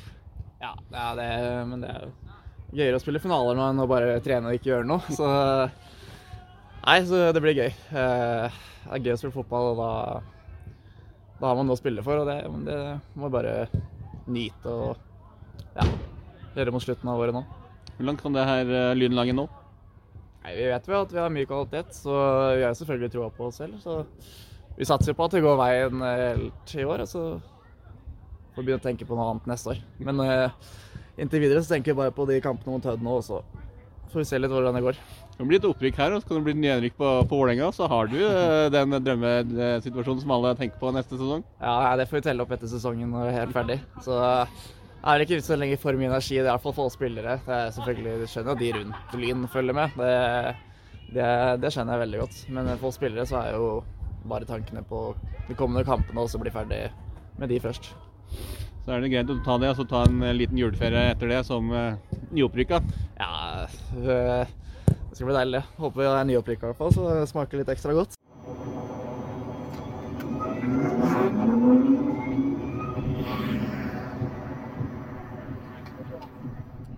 Det var Anders Bjørntvedt Olsen. Og da med hans eh, ord og hans intervju med deg, Pål, så tror jeg vi skal nå legge Lyn og deres opptur litt bak oss, og så skal vi konsentrere oss om eh, de blå. Vålerenga og deres eh, tog som vi var inne på, som dundrer litt i andre motsatt vei, skal opp til, til iskalde Briskeby og møte HamKam på søndag. Eller blir det på Briskeby, forresten? Er det noe Ja, avklaring der? Ja, de har sagt at, det blir, at banen skal bli, bli klar, så det, det blir en uh, rysere der oppe. og Det, det er vel litt det som, som uh, Bjørntvedt Olsen er inne her helt på, på slutten av intervjuet. der med at uh, Selvfølgelig, spillerne i Lyn de er jo også klar over situasjonen. De kan jo lese tabellen og få med seg alt det, det snakket. Men, men for de så er ikke uh, det så viktig jeg, per nå. Og jeg tror heller ikke det er altså Jeg tror Lyn også ser på det litt i et større bilde. Eh, litt sånn som den derre Altså, de, de kommer opp der, de har ingenting å tape. Litt sånn som i de cupkampene der også. De har liksom ingenting å tape når de møter uh, Vålerenga. Fordi de veit liksom at på sportslig sett så er de ikke på, på nivå. Det er bare gøy å, å kunne konkurrere igjen. Og det er liksom det, det samme som, som de, den følelsen som de sitter med, med der også. Og det er, det er kanskje store den, altså den, den største forskjellen med de to lagene nå er at liksom i Lyn så er det mye sånn frihet og positivitet og go i laget, mens i Vålerenga så er det ekstremt forknytt. tenk om hva hvis konsekvenstenkning eh, Kan det her bli nedrykk? For faen, skal vi spille mot Lyn i Obos-ligaen neste år? Det går, altså, sant? Og det er akkurat det der som kommer til å avgjøre alt for, for Vålerenga den, denne sesongen her. Og det er at Altså eh, De har jo en mentaltrener der i eh, Anne-Helen Gamlesande, som det heter. Og den jobben som har blitt gjort der, med, det mentale, inn mot en så viktig kamp, selv om det jo tross alt er HamKam, og det er borte, det er liksom ikke Barcelona på noe kamp, eller det er, det er liksom ikke Det er en kamp han ut, før sesongen tenkte at det skulle være tre poeng. Ja, eh, men, men det er så viktig, og så er det så mentalt. Fordi eh, det er jo som sier, altså før sesongen eh, så hadde jo ingen, ingen trodd at eh, Vålerenga skulle være i den situasjonen som, som de er i nå. Og det er litt det som er problemet også, fordi det er litt sånn lag som ligger der nede, eh, har ofte en tendens til å og at det er en grunn til at de ligger der nede. da. Eh, at liksom eh, Sandefjord og Stabæk og eh, Ålesund, HamKam til, til dels, de har liksom gått inn i sesongen med vissheten at det er her vi skal være, det er her vi skal kjempe. Og når du da som, som Vålerenga-spiller og alt rundt Vålerenga plutselig forviller deg ned der, så tenker du alltid liksom ja ja, det kommer jo til å gå bra til slutt. Og så blir det bare verre og verre, og du kommer ned og ned, og så blir det bare mer og mer forknytt. og eh, viktigere og viktigere eh, å ta de her poengene, og så går jo ikke det, liksom. De kampene de har spilt mot Stabæk, ble jo 0-0. Altså, de, de viktige kampene de måtte vinne, liksom. Så har du også en litt dårlig følelse der. Men Det Eh, føles jo litt som at Lyn kan som jeg sa, i stad, Det føles som de går litt på vannet. Eh, Det føles som at Uansett hva Lyn egentlig gjør, så, så fører det til noe godt. Mens Vålerenga føles som motsatt. At det er uansett hva de prøver på, så blir det bare enten status quo eller verre. Mm. Det, det er på en måte, De, de prøver, legger opp formasjonen, de henter spillere, går tilbake til en gammel spiller. Prøver, liksom alt Prøver, Men i- fasit er liksom samme hele tida. Ja. Det, det er som å sitte med sånn håpløs ligning på, på skolen, hvor du, du vet ikke helt formelen. Så du bare prøver masse forskjellig. Og så håper du på at kanskje det var det som var løsninga. Nei, det var ikke sånn det var. Altså, du prøver å huske tilbake. Var det sånn eller sånn? Ja, nei, det ble feil svar igjen. Og sånn holder Vålerenga på nå, føles det som. De, de, de veit ikke hva den formelen er. Og de bare leiter eh, uten å egentlig ha forutsetningene nå for å klare det. For nå har de sittet så lenge og leita at det er ikke De er frustrerte. ikke sant? Du, du har lyst til å bare levere inn prøvene og si takk for i år, jeg går hjem. Ja, Og det vil si nedrykk, da. Og overført betydning her. Men, men ja, og det er akkurat det det er det som er eh, for Vålerenga. Så de må bare eh, altså, sånn, eh, nå finne en måte, uansett hva det er, å komme fram til den løsningen på. Altså nå er det, altså, det Den kampen her mot, eh, mot, mot HamKam, da, så er det jo eh, greit nok, eh, hvis de vinner, så, så er det jo De er jo på ingen måte eh, out of the woods allikevel. Men sant, hvis de nå eh, Hvis de nå taper, da, eller ikke, ikke vinner den, den kampen her, og f.eks. Stabæk slår eh, Sandefjord, så, så må de jo også da eh, slå Tromsø hjemme i siste serierunde, som regel. Eh, og samtidig også være liksom, avhengig av resultater andre steder. Ja, men jeg, jeg har hørt på nå sikkert 17 podkaster om norsk fotball eh, siste uka, føler jeg, eh, hvor alle snakker om det samme. Det er jo ikke hvem som tar medaljer og sånn, det er jo hvem som rykker ned. Det er nedrykkskampen som, eh, som er liksom det store, den store overskriften i Eliteserien nå. Og uansett nesten hva jeg hører på, så, så er på en måte eh, svaret det samme. Alle, nesten alle altså de snakker om at Vålerenga eh, de, ja, Dette mentale, at de må finne ut av det. og de må, Alle sier det samme. Det, er de samme utfordringene. Vålerenga trodde ikke de skulle være der, mens de to andre var forberedt på det. sånn og sånn. Derfor så tror jeg at Vålerenga rykker ned, og Stabæk tar kvalik, og Sandefjord holder seg. Samme, altså at tabellen ender akkurat sånn som den står nå. Men på en måte, jeg føler at noe av det som kan på en måte redde, eller kanskje hjelpe på nervene til Vålerenga-supportere, er jo at eh, fotballhistorier fungerer jo ikke sånn. Nei, det er svært Det er- sjelden at, eh, Fordi sånn og sånn har skjedd, Ja. så tror jeg at det her kommer til å skje. Ja, fordi at, for, fordi, at alt, fordi at alt fram til dette punktet her tilsier at eh, Eller sånn som formen har vært på de siste kampene, liksom, fem siste, ti siste, så har, tilsier at Vålerenga kommer til å ikke slå HamKam, og de taper mot Tromsø og rykker ned. Eh, men samtidig så er det jo så enkelt er jo ikke fotball. Da hadde jo vi jo gått rundt og vært mangemilliardærer hele gjengen på oddsen. Hvis det hadde fungert på den måten der.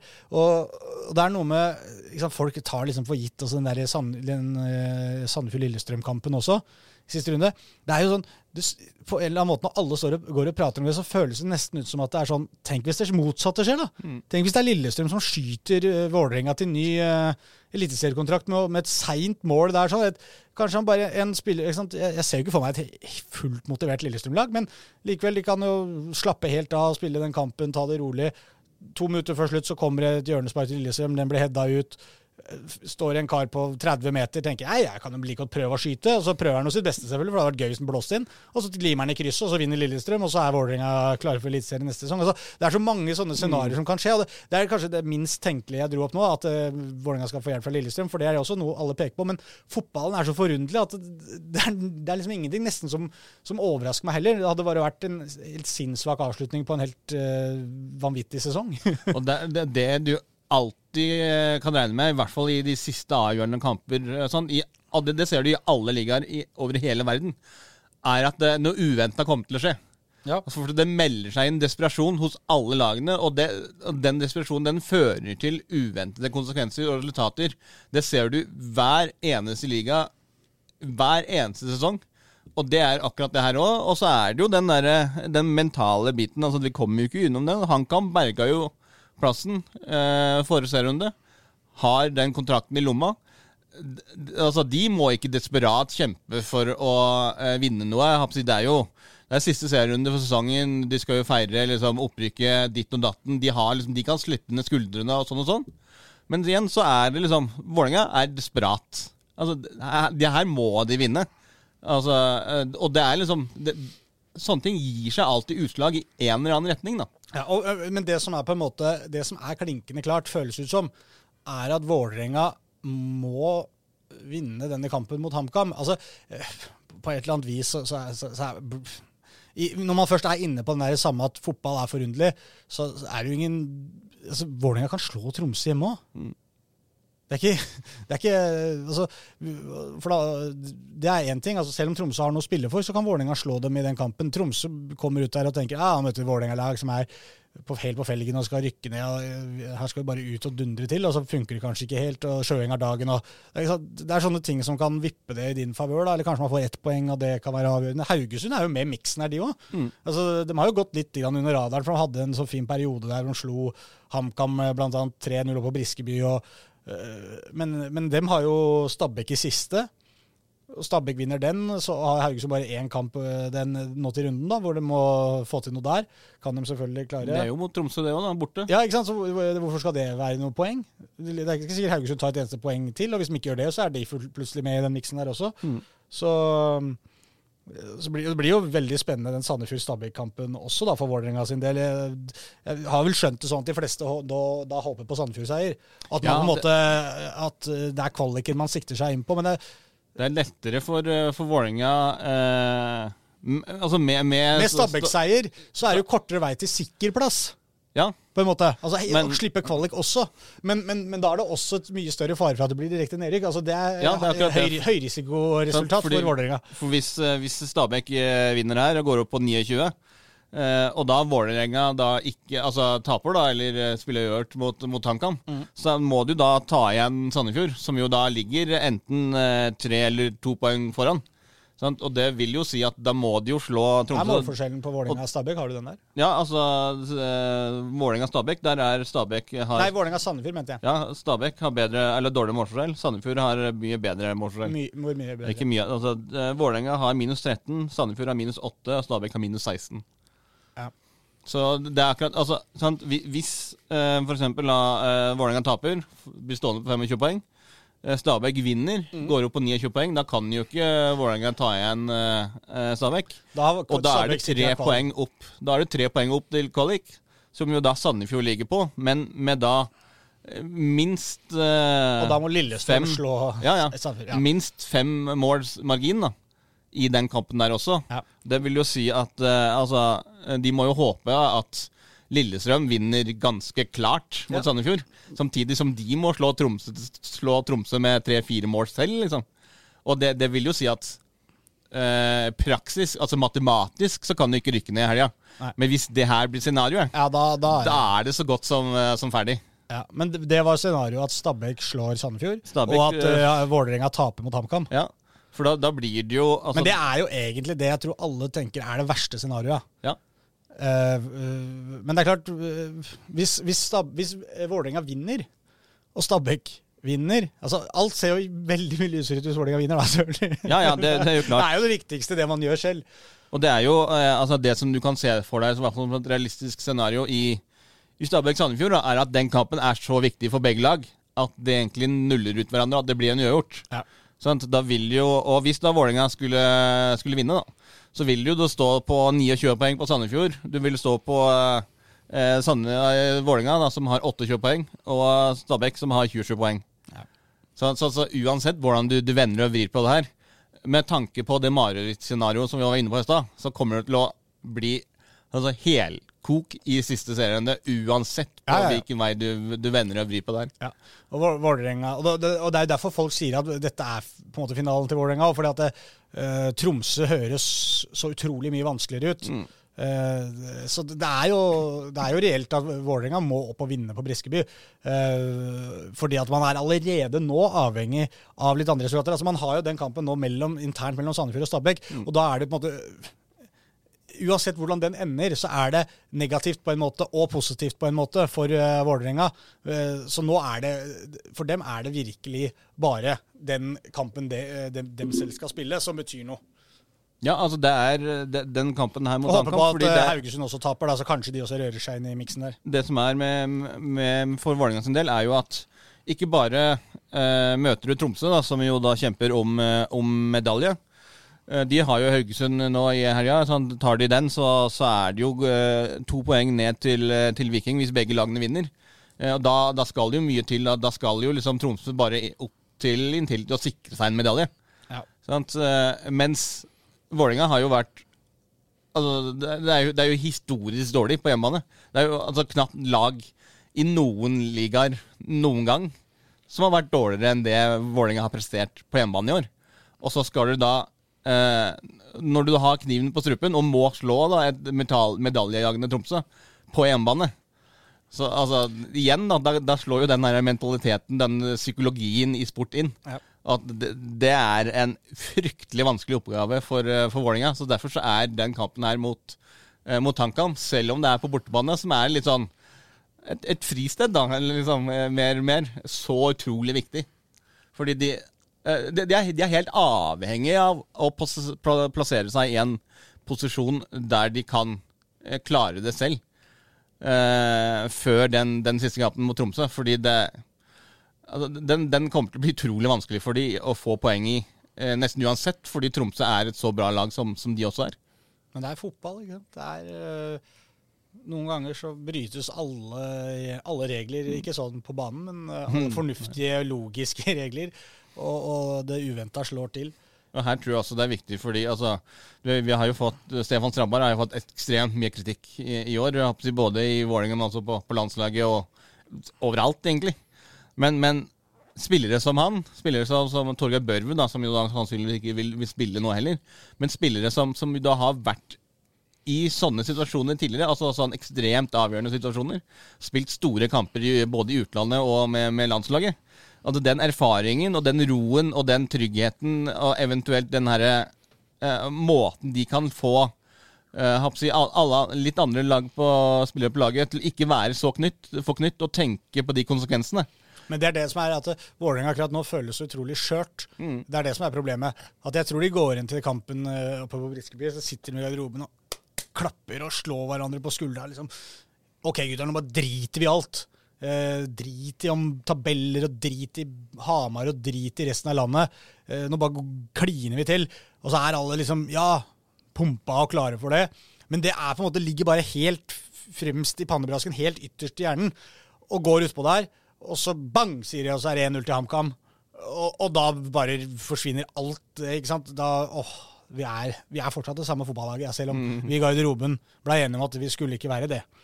Og så er det en som blir nervøs, og så er det en annen som blir nervøs, og pasningene blir litt halvveis og havner bakpå, får ikke noe rytme i det, og, så er du plutselig inne i den samme. Da, hva skal du stå i garderoben og si da, hvis du er Geir Bakke? Liksom? Nei, det er, det er, det er kjempe, kjempevanskelig. Men da Så er er liksom, først, nå er det kommet til et punkt hvor det er liksom, som du sier, spillerne, Strandberg, de rutinerte, egentlig samme hvem. Hvis det er en som sitter inne i garderoben der og ikke har sagt et kvekk hele sesongen, så kanskje det er nå han skal åpne munnen, og, og at folk i garderoben får en ny stemme å høre på. liksom. At det ikke bare er Strandberg som Han begynner må jo gå tom for ting å si etter hvert, Stefan Strandberg. Ja, ja. Og nå må vi skjerpe oss. Dette, dette er OK, gutter, selv om vi ligger under. Den har han sikkert prøvd. Han har prøvd sikkert å både klappe både pisk og eh, ros eh, hele sesongen. Både spillere og trenere med hverandre og mot hverandre og det som er. og det, bare, og det blir bare skjørere og skjørere, det byggverket der. Så jeg, jeg, det, er, det, er, vanskelig, for selv om Vålerenga tar ledelsen der, da, så, så eh, tror jeg ikke det bygger så veldig mye selvtillit. Da tror jeg de bare fortsetter å være redde. Nå, må vi, nå har vi jo resultatet. Nå må vi i hvert fall ikke rote det til. Og så går det inn mot 87-88 minutt, og det kanskje opp mot 90, og det legges til seks tilleggsminutter. Seks tilleggsminutter! Å, det er så lenge igjen! Og, og så kommer det et sånt dustemål hvor en Hamar-spiller skyter i kneskåla til en stopper opp i nesa på en tredjemann og tverra inn og noe sånt rør. Ja, det, det er akkurat sånn som kommer. Og jeg, eh, altså jeg, jeg unner jo ingen i Vålerenga være i den situasjonen der, fordi mentalt så må det være ekstremt utfordrende. Nettopp med alle de mekanismene som slår inn. Men også for en type som, som Christian Borchgrevink, da. Som det betyr så mye for. For han, har- altså, er, han har jo vært litt sånn på, på utland, uh, litt her og der. Har jo faktisk vært innom, uh, vært innom HamKam. Men, men det betyr så mye for de. Eh, Du vil jo ha spillere som det, det betyr Ja. mye for, men, men for noen så kan det jo bikke over òg. Akkurat du, du, du, bare går rundt og tenker på at tenk hvis jeg skal være han som spiller på laget som, som rykka ned. At det er det, den spilleren jeg ender opp med å bli, på en måte. Så Kunsten er jo å glemme det. At enten snu på det og tenke jeg kan være spilleren som var på laget som, som redda dette her helt på tampen. Eh, fordi nå skjønner alle at det er fortapt. Alle sier nå at Vålinga rykker ned. Så nå kan de jo prøve å snu på det og si sånn OK, gutter, alle sier at vi har rykka ned nå har vi muligheten til å bli helter. Vi er egentlig ferdig. Denne sesongen er over. Vi, er, vi har vært for dårlige. Vi må bare innse det. Men, men på, et, på et eller annet vis så kan vi fortsatt redde det, hvis vi står fram nå. Og det er jo det er mange av disse som jeg har hørt på i podkaster rundt omkring også, som prater mye om dette med, med, det å, med det å tørre å våge, vise seg fram, prate. Alle disse tingene her, da. Eh, men, én ting er jo Det er jo, det er jo igjen det er jo det samme som med fotballfaget. Det, er veldig lett å si hvordan du skal vinne, men det går på om du klarer å gjøre det eller ikke. Og det, det er ikke fysisk å gå rundt med brystkassa høyt hevet hvis du er et aspeløv inni kroppen. Så, så har det ingen verdi. ikke sant? Du må prøve å finne en ro i det. Og, og, og dette har jo sikkert holdt på mye med, men hva vet jeg. Men sant? Få ned pulsen. og Tenk at nå, nå har vi skakkjørt denne skuta. Greit, vi fucka opp. Det, det sånn skjer. Nå, nå går vi utpå der og bare kliner til. Vi er vi, vi, vi kan bli helter, liksom. Dette kan bli en sesong Hadde de vært på andreplass nå og kjempa om gull, så hadde de tenkt det. ikke sant? Det hadde vært sånn, Vi kan bli det laget folk snakker om i, i 100 år. Men, men det, den sesongen Vålerenga har hatt nå, hvis de redder dette nå altså Nå har de jo satt seg i en posisjon hvor de faktisk kan bli helter. Hvor, hvor, hvor alt er egentlig over og ut. For det er ingen som har noe tro på dem lenger. Alle har jo gått og sagt at Vålerenga rykker ikke ned. Egentlig fram til forrige runde, føler jeg, så har folk sagt jeg tror kanskje Vålerenga klarer fortsatt. altså De drar ut et eller annet der. Men nå, helt ferdig. Ok, nå er det vår tur da, til å snu på det. Det er akkurat den, den konsekvenstenkningen der. Det er det som blir eh, så avgjørende. At de greier å, å ikke tenke konsekvens.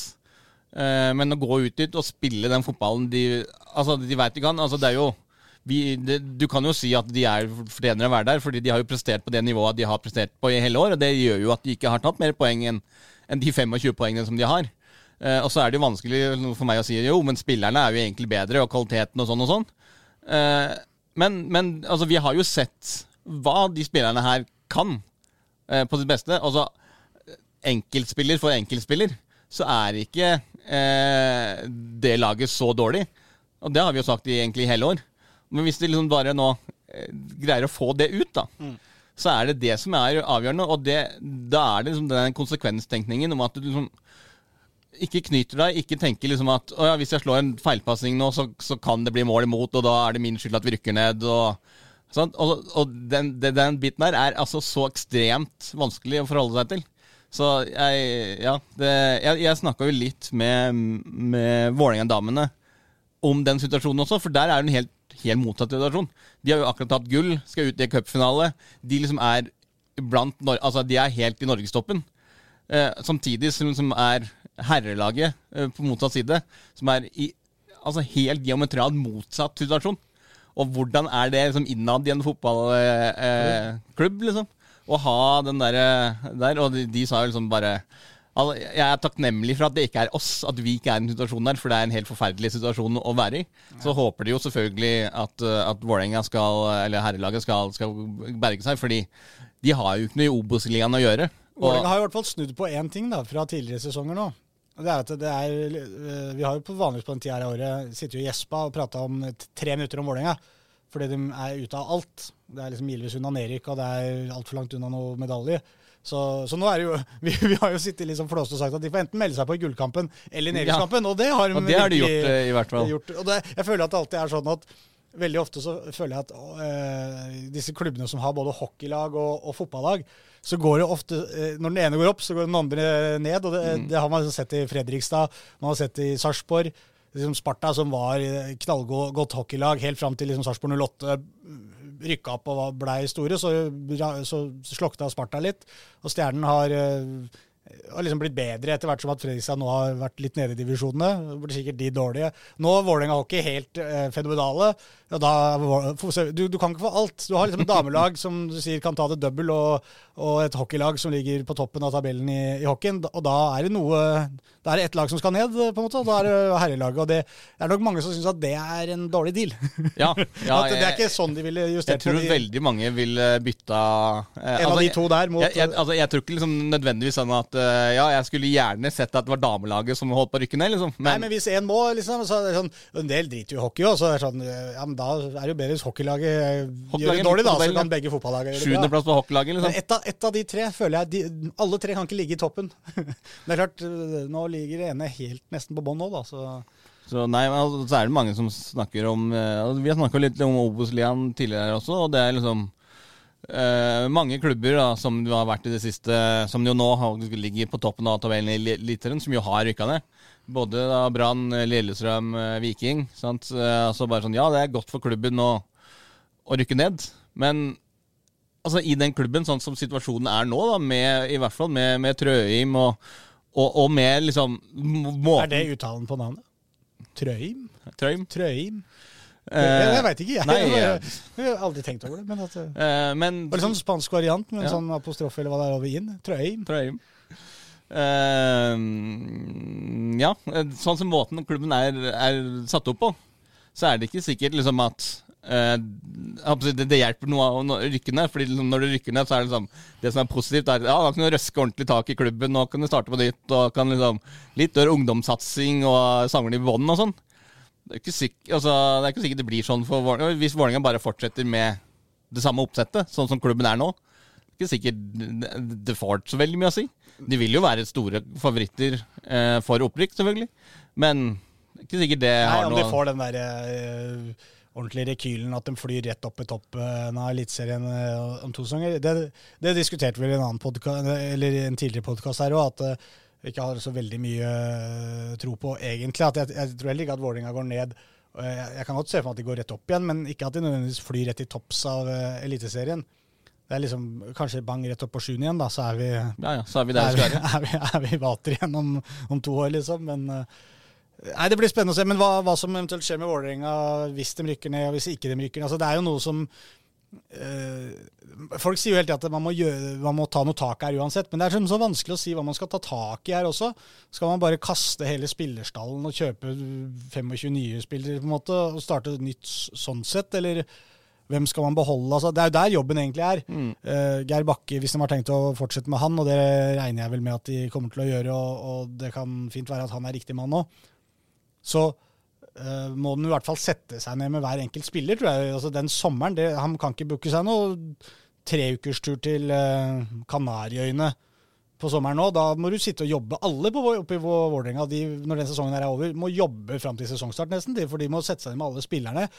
Hvem skal være med, hvem har kvaliteter? Være litt, være litt nådeløse. Og for å dra parallellen til hockeyen igjen, da, som har vært litt i samme situasjonen, at de, de skal jo gjerne være med helt opp i toppen og kjempe. Nå hørte jeg en eller annen podkast hvor han Fredrik Andersson eh, var med, som vi har hatt som gjest noen ganger hos oss også, i den hockeysnakkisen. Da er det jo, eh, som han sier, de kasta jo Stefan Espeland ut De kasta ut Tobias Lindstrøm, to spillere som er liksom kapteinen og, og hovedbekken, altså, først, altså offensiv powerplay-bekken deres.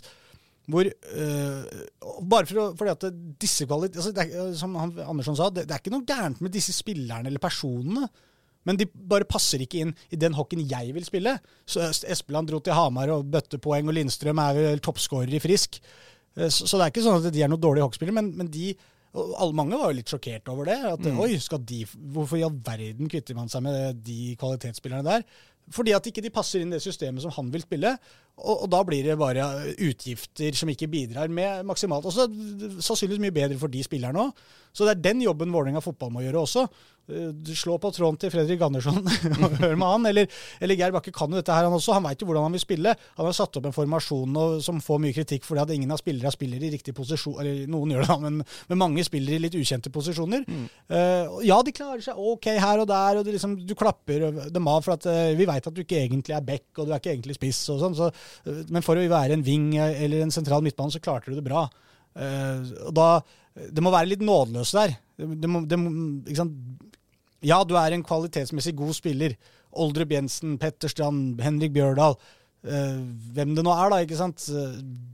Mohammed Ofkir, jeg veit ikke, Daniel Haakons. Alle disse her. Ja, du er en god fotballspiller. Pass, det er masse god kvalitet. Og det ser jo alle òg.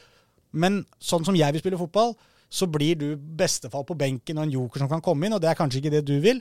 Og du er, I tillegg så tjener du en god del penger her, eh, som vi gjerne skulle frigjort og du kanskje skulle fått litt mer spilletid og gått videre i karrieren. Og da må man kanskje skjære ut noen. Og akkurat sånn som Vålerenga nå, hvis de holder seg, da, så tror jeg ikke det er så mange som kommer til å stusse på samme måte sånn som på hockeylaget med de to gutta der. For det var liksom superstjernene der. Det er liksom mm. å kaste Strandberg og hvem er den andre superstjernen? Bjørdal, da? Eller noe sånt. Men, men det som er, altså det, du må ha en brutal gjennomgang av sesongen uansett. Som du sier, å gå gjennom alle eh, lagdelene, gå gjennom alle prestasjonene. Eh, det er akkurat sånn, altså Finne en spillestil. Skal vi spille sånn? Skal vi spille ditt? Skal vi gjøre datt? Sette Altså bygge et lag, få altså en samhold altså, Det må liksom nesten begynne alt på, på scratch igjen, fordi det som de har levert i år, har vært under enhver kritikk. Nesten fra start til mål. Så har det vært veldig mye uh, utskiftninger, og de må liksom de må, du må, må begynne mye, mye, på nytt igjen, liksom. Altså også bygge en kultur over tid. Fordi det er det nå er det siste også. Fordi de var jo inne på noe her, Vålerenga. De hadde vel seks kamper der uten tap en periode. Så har det vært veldig mye opp og ned, uh, ustabilt. Uh, sant? Mange som har spilt her, mange har spilt der. Noen Plutselig så, så var han inne igjen, så var han ute igjen, og så bytta de formasjon, og så var det det er liksom det Altså, det, må starte på noe. Og det er fryktelig vanskelig selvfølgelig for, for Geir Bakke å starte på det midt i sesongen. Eh, og Spesielt når resultatene uteblir og du havner i den situasjonen som du har. For da må du bare kaste alle prinsippene på båten og satse på at du berger deg. Altså, også, men, men, uansett, da, eh, om du rykker ned eller ikke, så må den, eh, selvransakelsen mm den må, den må, gjøres, og den må gjøres knallhardt. Ja, det er det. Men de må være nådeløse nå. Det skal vel ikke Stort sett så skal ikke det være noe problem for uh, Vålerenga å være nådeløse. Det er liksom litt det jeg forbinder med den klubben, egentlig. At de kan være litt uh, knallharde i klypa dem. Og nå må de finne fram den. Og, og ja, som du sier, kan, om ikke bygge helt nytt, så er det i hvert fall hvem av disse spillerne har den har huet og de fotballfaglige kvaliteten til å bygge den kulturen og bygge den fotball... Uh, det fotballaget som man faktisk ønsker da, med Geir Bakke. Og mm. Hvis han får det som han vil, Geir Bakke, så har han jo vist med Lillestrøm at han kan lage topplag ut av det. Og Så får man heller da evaluere Hvis det rykker ned, så handler det om å rykke opp. da, Hvis man holder seg, så får man se at man i hvert fall kommer seg ut av det nedrykksrøret der. At man er tilbake på en sjuendeplass neste sesong. Ok, og som to sesonger så kanskje man uh, har en ny, god sommer der hvor man fortsetter med de samme prosessene og er litt knallharde. Uh, kanskje kan se opp. Altså Det er kort vei fra helvete til himmelen også noen ganger. Mm. Så, så, det er ikke sikkert at det er bekmørkt om to år når vi sitter her, men det kan det også være. Det, det, det er litt sånn Vålerenga er. Uh, jeg tror vi skal begynne å runde oss her, for du skal ha et møte, Pål. Det er korrekt. Uh, jeg tenkte bare Toppserien ble vel avslutta i helga? Ja, eh, vi snakka jo... om Vålerenga som uh, spilte på Lerkendal. Eller vi snakka vel egentlig ikke om kampen, men bare jeg kan først fort ta Lyn og Røa. Da så spilte Lyn 2-2 borte mot uh, Arna Bjørnar. Røa vant 2-0 hjemme mot Åsane. Eh, ender på da Lyn på sjette, Røa på sjuende. Så trygt plassert på tabellen for begge to. God sesong. Kan applaudere for det. Og så kan du få ta, hvis du vil ta noe om eh, bortekampen til Vålerenga der på Lerkendal. Ja, altså det er ikke så mye å ta det. Det var en eh, relativt jevn uh, førsteomgang. Uh, det er jo litt sånn altså, uh, Vålerenga gjør jo noen, noen bytter og gjør noen grep som de sannsynligvis ikke hadde gjort i den kampen hvis det hadde vært en kamp som hadde avgjort uh, seriemesterskapet. Og det ser jo at utover i, i andre gang, når, når Rosenborg får det første målet, f.eks., så så ser du at det betyr litt ekstra for, eh, for Rosenborg å vinne den, den kampen her. Ja. Eh, og det er det som gjør at det, det, blir såpass stor, stort utlag til slutt, og at Rosenborg vinner 3-0. Det er liksom ikke, selv om det er eh, en uke før cupfinalen, og selv om liksom, det har mye eh, ja, psykologisk og sånn, så, så, tror jeg ikke det er sånn 3-0 det, det er ikke styrkeforholdet mellom de to lagene. Så, sånn sett så tror jeg ikke den kampen har så mye eh, å si, i hvert fall ikke for Vålerengas del. Nei. Så eh, kan vi jo da skyte inn på slutten at Lyn jo da eh, hadde toppskåreren denne sesongen i Anna Aahjem, Ja. som nå i dag har signert for Brann. Ja, eh, bra. Da er det vel bare å oppsummere kjapt de tre finalene som kommer til eh, Som du innledet med, egentlig, Pål. Lørdag kvart over fire. Er det riktig tid, som jeg har notert meg her, Pål? 16-15, ja. Da er det cupfinale. Vålerenga mot Rosenborg på Ullevål. Søndag 17.00 HamKam Vålerenga på Briskeby. Avgjørende for uh, herrelaget. Og mandag klokka seks Lyn Hødd på Nadderud. Det er de tre finalene. Jeg tror vi avslutningsvis skal uh, høre fra Vålerenga damer-trener Nils eh, Lekserød. Og så takker vi med de ordene av for i dag. Ha det, Pål. Hyggelig. Ha det. Bare oss to. Det funka, det. Funka det. Ja, tenk det. Ha det. Ha det.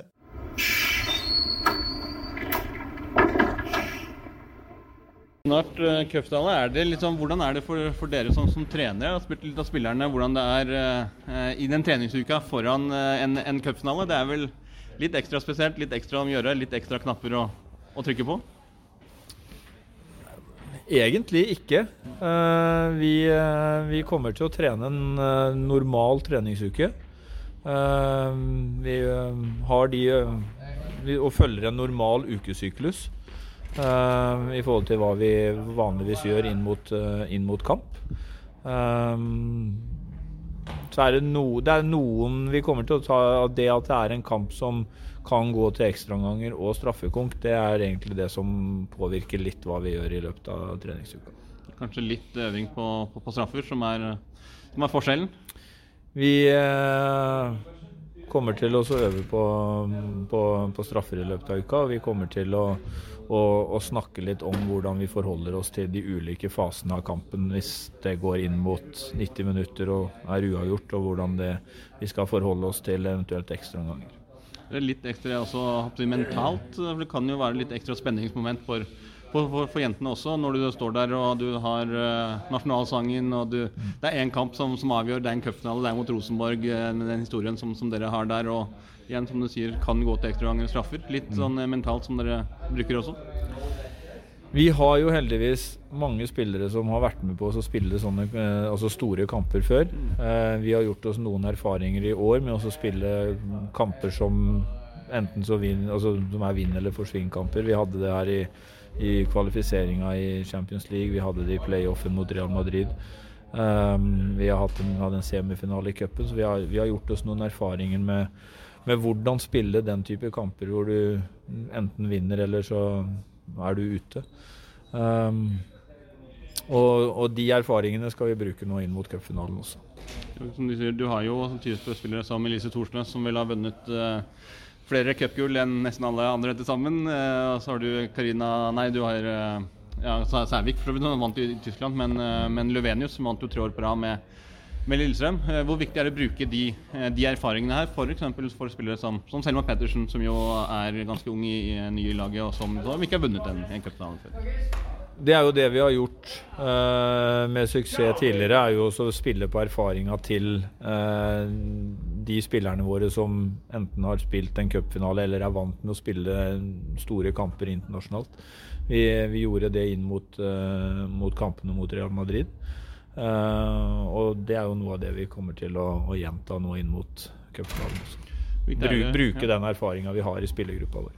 Hvor viktig er det liksom at dere har eh, ja, litt sånn de type kampene her mot, mot Rosenborg, som dere da slo i, i, i om seriegullet. Eh, Tapte jo da forrige kamp oppe der, men liksom skape liksom litt, litt rivalisering med de i Brann, type kanskje Lillestrøm, som, som allerede ligger der, for å skape det eh, oppunder det produktet da, om kvinnefotball og, og toppserien.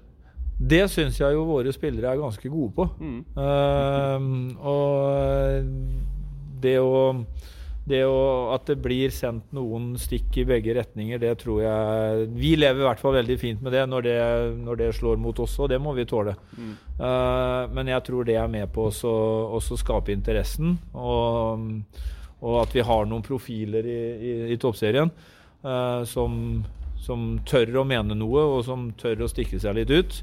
Vet, alle kan ikke være sånne kjedelige som meg. Altså, jeg kunne jo ikke gjort det der, men heldigvis er ikke alle som er rundt toppserien som meg. Um, så at vi har noen sånne, det, det, det tror jeg bare er positivt. Hvordan blir det liksom å eh, seg den, den kampen som dere hadde mot Rosenborg sist? Det var, det, jo, det, det var jo ganske tydelig i hvert fall utover andre gang at det betød kanskje litt ekstra mye for, for Rosenborg. Og så var det litt sånn mer sånn trening for dere i forhold til ulike faser av spillet. da. Hvilke, altså, hvilke endringer er det vi vil se inn mot, eh, mot den Rosenborg-kampen her, som faktisk betyr noe? Det forteller jeg jo ikke til deg nå. Eh, det, skal vi, det, det får du se på, på, på lørdag. Men det er helt riktig. Altså, vi gjorde oss noen erfaringer i den kampen der som vi mm, tar med oss inn i, i trening fram mot, uh, fram mot cupfinalen. Og så er det jo riktig som du sier, altså, nå kommer det jo en kamp som betyr like mye for begge lag. Den kommer til å se, tror jeg, veldig annerledes ut enn den kampen i Trondheim. Det er vel egentlig eh, altså gans, ganske naturlig Ja.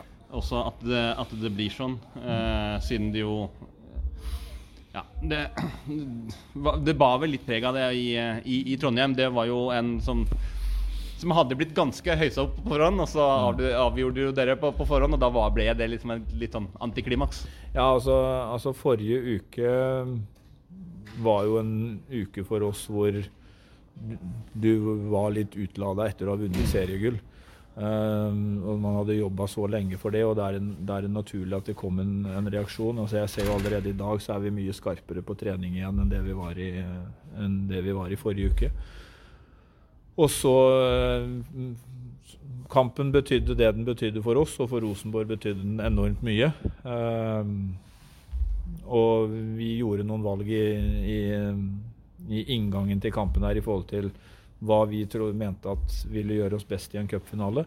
Uh, og så ble den kampen i Trondheim som den blir, og så blir det en helt annen kamp i finalen. Hvordan er det å, å delta i en cupfinale også som, som trener? Du kan jo bare stå der på, på sidelinja og se på, på hva jentene dine gjør.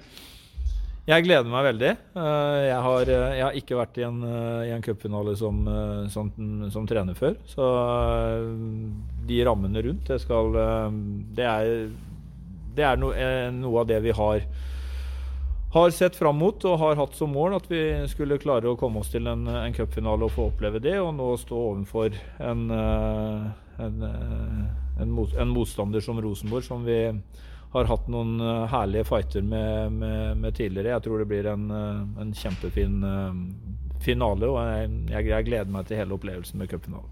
Så det er viktig å stå igjen på, på riktig side av banketten eh, etter cupfinalen.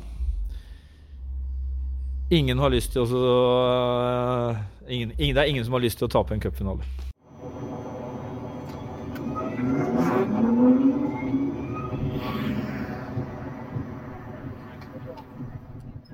Du har hørt en podkast fra Dagsavisen. Ansvarlig redaktør heter Andreas Heen Haaland Karlsen.